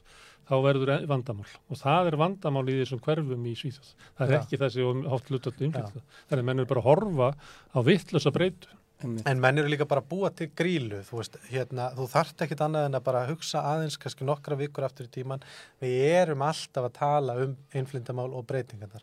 Við erum alltaf að tala um að íslenskunni sé ógnað, Mm. þú veist, en, en það má aldrei tala um það að kannski sé íslenskunni ógnað vegna eignar, eða svona sjálfskipas eignarhalds ákveðins hóp sem að sem að telur sér bara eiga þetta tungumála því að þau fengu kennslu hérna 82 í Gaggo. Mm. Þú veist, og það sé hinn rétta geta leiðrétt íslenska. að, Og sérstaklega þann sem að tala með ég, pólskum ég, ég, ég, ég held að þar komur við daldið svona inn á að það þetta er, er bara grílur sem eru búna til. Það er ekkert mál að ræða þessi mál. Þú getur, þú getur, þú, hérna, en það sem að kannski vantar er að það þarf að aðgreina sko hvað er staðrindabundið og, og bara svona einhver, þú veist, ég ætla ekki að segja tilfinningar að því að sko mannúð og, og svona, það eru tilfinningar. En það sem við sáum til dæmis á rúfum síðustu helgi var bara, var bara, sko, þetta var bara hræðslu áróður vegna þess að hérna það er verið að reyna að beina, það er verið að sko búa til sögur. Ein er svo að það sé ekki hægt að ræða samfélagsvandamála hans að vera sakaður um að vera rasisti. Hinn er svo að allir sem segi hérna eitthvað sem séu ósamála okkur hinnum séu flokkuð í sko vondafólkið. En sko það er aldrei talað um vondafólkið. Það er flokkunin góðafólki kemur frá þessum populistum sko. Og hérna uh, en þú veist þetta ekkert að þau segja rétt. Þú, þú sko getur sloppið bara mjög vel í gegnum umræðinni hérna ef þú ert konsistent svolítið tillitsamur við sko nýjum hugmyndum og, og rökum sem koma á móti. Og, og hérna ert ekki alltaf að ala á óta þú veist það er ekkert mál að ræða innflyndamál við erum búin að ræða innflyndamál hérna sko í áratug eða eitthvað en, en eflaust er fólk eitthvað hrætt við það. Já, ég, ég, ég held að sko að sko Byggir sér það, hann sér að fólk sér rétt við það. já, sko ég held að, að ef við ætlum að reyna að skilja rasism á, á Íslandi, þá er náttúrulega fyrir að fyrsta, bara veit ég alveg hvernig ég aldist upp, það var eh, veist, engin litaður í, í minni skólagöngu, alveg þannig til ég bara bara alla mínu skólagöngu, hitt aldrei neitt. Uh, gæstu vinnu minn átti uh, átti hérna, kæristu á einhverjum tímabili sem var ætlit frá Innlandi, það voru svona ein, einu, einu útlend, útlendingur sem ég átti í einhverjum samskiptum við skilur. Þannig að náttúrulega veist, þannig að, þannig að, sko, þannig að mitt vegakerfi heilans er ekkert, er vant að umgangast lita fólk, skilur. Þannig að þá, þá kveikna náttúrulega bara einhverju svona, svona in-group, out-group, einhverju nemar í innsta hérna, litningakjarnanum, skilur en, en, en það er akkurat þannig og maður er svona pínu á varbeki, veit ekki alveg svona, skilur, en kannski ekki hrættur, en bara svona smá varbeki en eitt sem ég finn, fann svo rosalega stert og því ég ætla nefnilega að koma inn á þetta inn á með, aðeins með þjóðverðinsvíkjuna er það að ég fann svo rosalega stert þegar ég kom inn aðeins byrja að djamma og svona farin aðeins að hitta fólk og þá hitti maður Úl Sjakra og, og fleira svona fólk. Er leið og fólki var talað íslensku bara hnökra laust að þá leið mér strax bara þetta er, þetta er, þetta er, þetta er ingrúp þetta er bara, við erum bara saman skilur. þá, þá, þá hvarf þessi þá hvarf þessi aðgreining þannig að, þannig að þegar að vera að tala um íslenskuna þá, þá, var sjálfsögðu er það mjög svona öflugt öflugt vopn í því, að, að losum þennan rasism og þar held ég að sé náttúrulega daldi erfitt að krefjast eldra fólki sem er að koma hinga að, að, að, að ná einhverjum djúpum árangri í Íslandu. Þetta er tölvöld flóki mál en það þarf að sjálfsögðu að veist, öll ungvinn sem fylgja En má ekki vera bara 5.000 manna, hérna, 5% manna pólssamfélag sem að talar litla íslensku? Jú, það, ég segi, ég ætla ekki að mynda minna um skoðun, það er kannski máli, ég bara segja að veist, þá, þá, þá kemur þessi hætta. Ég, ég, en, en, það, en það sem ég, langaði kannski að koma inn á bara varandi þetta, varandi íslenska rasmusna, ég held að hann, ég held að, að það sé, þú finnur þjóðurninshyggju á Íslandi, getur við ekki verið nokkuð sammálum það? Megin Já, já, ég meina, það halda allir með Íslandi og verða allir bara rosalega tögaveklaður og svo mikið hrun þegar að Íslandi gengur eitthvað. Sko bara til að skjóta þið inn, sko, ís, hann talaði með hann Eiríku Bergmann í mjög góðri bók sem hann gerði og held ég hérna á Röðaborinu. Ég meina, Ísland er eina Európaríki sem að sko, það sem að þjóðurninshygginu hefur aldrei verið kastað út úr meginströms pólitíkinni. Vegna, Sjálfstæðisflokkurinn er eiginlega sko sýstuflokkur Svíþjóðdemokrata og, og Bræðaralans Ítalíu. Þess vegna smítar hún alla þess að það er heimavöllur íslenska stjórnmála er valall. Þannig að við spilum stjórnmálinn á, á heimavelli þjóðninsíkunar. Einmitt. En, en, en, en, en, þa- en, þá, en þá, ok, núna er eitthvað sem er kannski bannað, kannski vilja við kansalinu, mér langar bara að spurja, er, er þetta nálgast, að að, að, að ég las, í, ég las hérna í, í, í ágættir bók sem heitir Reclaiming the State, hérna, hann var að tala um sko, að hverju vinstrumennum gengur svona illa, hann var að tala um það að hérna, og, og, og hann, hann setur úst, það er svona ákveður svona populism í gangi, úst, tengist þessu að fólk, það er bara að vera yfirgeða fólk og það grýpur inn í hann rasismi eins og, að- eins og ég lísti hann áðan. Og hann segir einhvern veginn að sko vinstrafólkin hefur sko mistekist og, þa og þarf að geta talað einhvern veginn inn í þessa þjóðurninsíkju með einhverjum uppbyggilegum hætti. Mm. og mér finnst þetta bara svona áhugavert. Ok, er þetta að gera eitthvað uppbyggilegt við þjóðurninsíkju á, er, er það eitthvað element sem að e, við eigum að vera eitthvað að vin, vinna með? Veist, þurfum við þess, eru við skeppnan sem að getur einhvern veginn bara verið bara einhvern veginn global dýr? Eða þurfum við þurfum við að vera til, til, tilhæra einhverju þjóð. Já, ég meina við erum alltaf, við erum, við erum náttúrulega á heimilinu og svo erum við vinnustanum og svo er borgin og svo er landið og svo er Evrópa og svo er heimurinn og svo er, veist, skilu þannig að þetta er náttúrulega í, í leiðurum en þetta er náttúrulega spurningin, veist, er þetta, ég bara segja, veist, mér finnst alltaf að ræða kannski er þetta nálgast þjóðveitinsíkjuna með einhvern veginn aðeins uppbyggilegri hætti þar sem hún beinist kannski að einhverju öðru heldur hún að íti burtu, heldur reyna bara að rækta garðan okkar betur og við erum kannski bara, hei, við gerum þetta nú betur, eða ekki?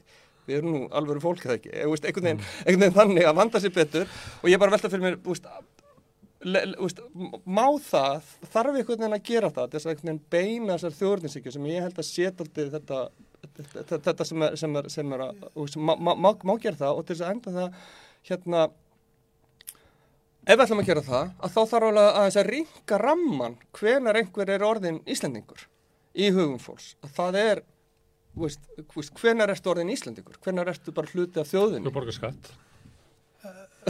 Má ég hérna segja eins með þetta módelum hérna svona þjóðarnisíkju að að það er til dæmis mjög ábyrjandi í Breitlandi þá ertu með sko skoskan nationalisma og svo ertu með ens, enskan nationalisma og enski nationalismin er drifin áfram af hræðslu, hann er drifin áfram af sko fyrirlitningu stjættafyrirlitningu og einhverju svona hérna nostalgíu til fallins heimsveldis.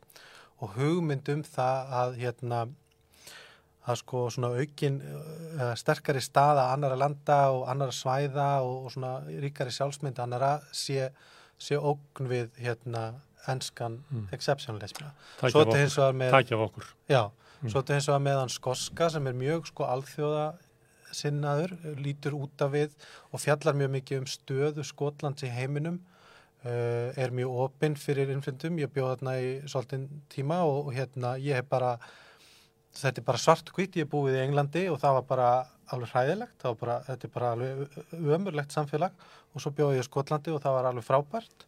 Og hérna sem betur fyrir var ég nú plattaður í það ég ætlaði aldrei aftur að flytta til Breitlands og hérna en snýst um sko að vera opinn fyrir hérna heiminum viðurkenna stöðu landsins sem sko langarandi sögu þess að vera svona hérna svona viðskiptaland sem hefur verið opið og á ríka sögu.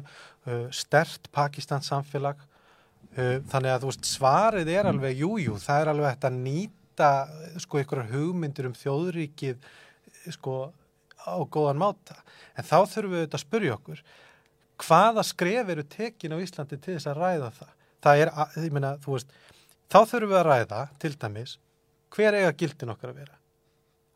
Hver- er svo mannúð sem er ásættaleg hérna? Og hver er sagan okkar þegar kemur að því að, að þykja annars vegar aðstóð og, og, og veit hana? Og svo þarf við auðvitað þá að, hérna, að horfast í augu við það að það má- er má- skjóta bara stuð, að að þetta snýst náttúrulega vegna þess að þjóðurinsíkjan getur ekki hún getur ekki byggt á fortíð vegna þess að allir sem eru núna eru ekki, þú veist, voru ekki á vikingöldinni við erum bara nýtt fólk á nýjum tímum þannig að þjóðurinsíkjan verður að byggja á einhverju sem er núna, sem þjóðurinn er núna. Það er ekki, ef að ég má reyna að tala eins og Viti Svimbadóttir til dæmis, að þá er það sko landið, það er náttúrulega við getum delt í, tungan, það er einflytjendur hefur ekki alveg aðgang að því, sagan, það er ekki saga mín. Mér er þetta saga mín ég, Nei, ég segi fæðist bara í breiðholtinu ég og segi þar byrja mín saga já, já, ég segi- Þannig að við erum frekar með svona, ef að ég tek dæmi að því sem að allir var að segja, við erum frekar með svona enskan tón í þessu. Já, það, er verið að við erum að verjast sko, það sem að Títrandi smáblóm Já. sem að er alveg má ekki við neinu, þá getur það bara dáið. það sem væri mjög holdt fyrir okkur þá er að, er að gera, er að ræða sko hvert á framlag Íslands til sko heimsins að vera. Mhm. Það, það getur verið ákveðið upp af þessu. Þú veist, hvað er framlag okkar?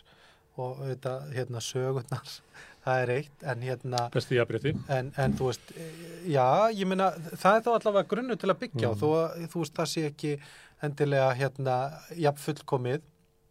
Og það er, það er eitt sko, ég meina, Ísland er svona einhver útópísk eiga í huga fólks sem að einhvern veginn sleppur við öll, hérna, spillingar öll nútímans. Uh, Það er nú eitthvað styrkur í því, við veitum fólki eitthvað á von stundum. Uh, en ég til dæmis hef alveg, ég get svona, hef alveg svona einhverja praktiska sína á þetta. Hérna, maðurinn minni frá Kolumbíu og hérna, og er svo heppinn að hérna, eiga mjög öðvöld með að læra tungumál og hefur lagt sig hérna, mikið fram við að læra íslenskuna og þó við tölum þetta ennsku á okkar heimili því að ég tala ekki spansku en hérna en sko við höfum svolítið rætt þetta okkar á milli og heila helsta ástæðan fyrir því að það er mjög erfitt að færa sko svona efnaðsleg og félagsleg rauk fyrir því að leggja svona mikla áherslu á íslenskuna er að okkur er ekkert gert það sérstaklega mögulegt að gera langtíma áætlanir. Það er sko, það er lítil áinni réttindi sem fylgjaði að vera hérna.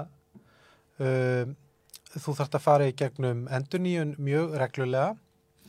Uh, atvinnulefið er bundið við einstaka atvinnurekanda.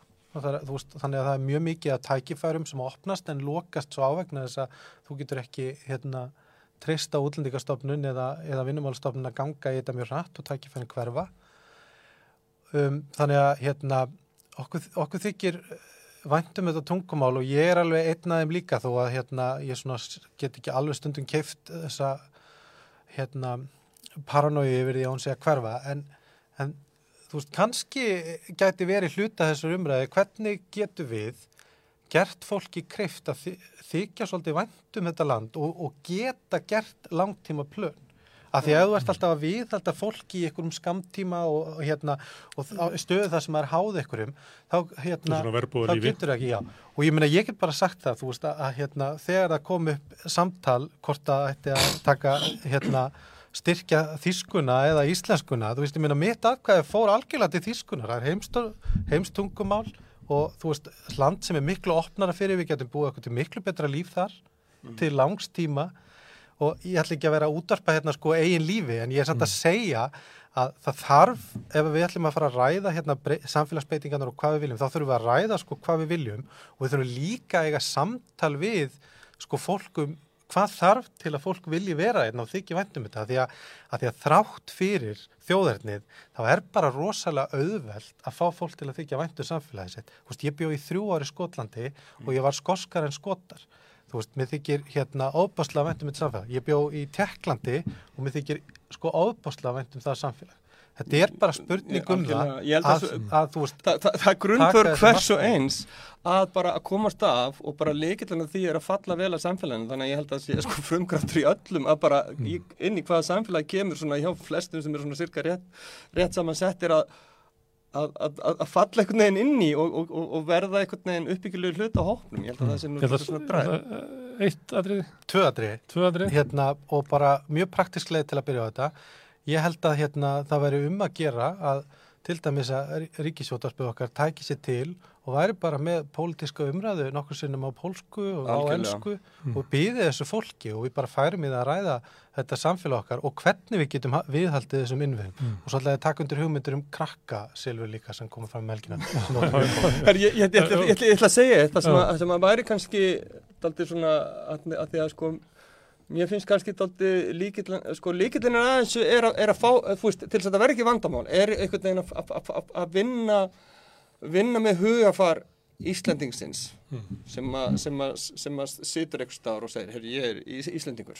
Og, og svo situr hann einhver, einhverju stellingu og svo eru hlutir að gerast og svo einhvern veginn er, er, er þarna einhver dýnamík og, og þarna er, er, er einhver vandamál sem maður geta býst í, í rasisma. Það er að, að, einhvern veginn, það þarf að nálgast, nálgast veist, einhvern veginn að smíða hugmyndana um Íslendingin aðeins opnari og þá þarf að vera hægt að ge- ge- gera, við þurfum að Mm. vinna með hugmyndunum hvað, eins og þetta segja, hvað hva, hva, hvað er fólkið í þessu. Og ég held að einna leiklunum er, er kannski að skoða svona, svona, svona, svona eignarhald.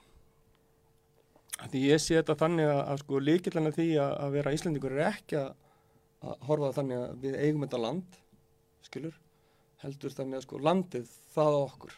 Veist, ég kemst ekki burtu það landið sem á mig, ég hafa það ekki. Mm. og það, það, þann, þannig að þeir sem koma henga og gang, ganga þessu landi á hönd og, og eru hérna út í raskati og einhvern veginn að búa sér til líf og við horfum í auðu hvort annað það er bara, þau eru bara í sömu erindagjörum á við, við erum bara búin að ganga þessu landi og þessu skeri á, á vald skilur. Við höfum ekki fiskinn, fiskurinn og okkur. Herðu, ég ætla að fá að stoppa hérna. hérna við höldum áfram þessari umræðu. Við vorum hérna fyrir helgina, þá vorum við að tala um, um uh, framtíð íslenskunar á tímum uh, fólksflutninga við, við Ármann Jakobsson og Eiríkur Akvalsson og þá bóða ég það að við myndum uh, búa til samskonar umræðu uh, þar sem að vera innflytjendur sem við myndum ræða um, um íslenskuna. Og það er koma hérna held ég á morgun eða, eða á fymtudaginn eh, Agnieszka Sokolovska og Viktoria Baksína og ætla að endur taka umræðuna sem að, að Ármann og Eiríkur voru með en út frá allt öru sjónaróndi og það er kannski liður í umræðin sem við verum með hérna og við munum halda þeim áfram á, á rauðaborðinu en ég ætla að segja að rauðaborðinu er lokið í kvöld við verðum aftur hérna morgun klukkan átta með eitthvað allt annað á dagskrá. Góða nótt.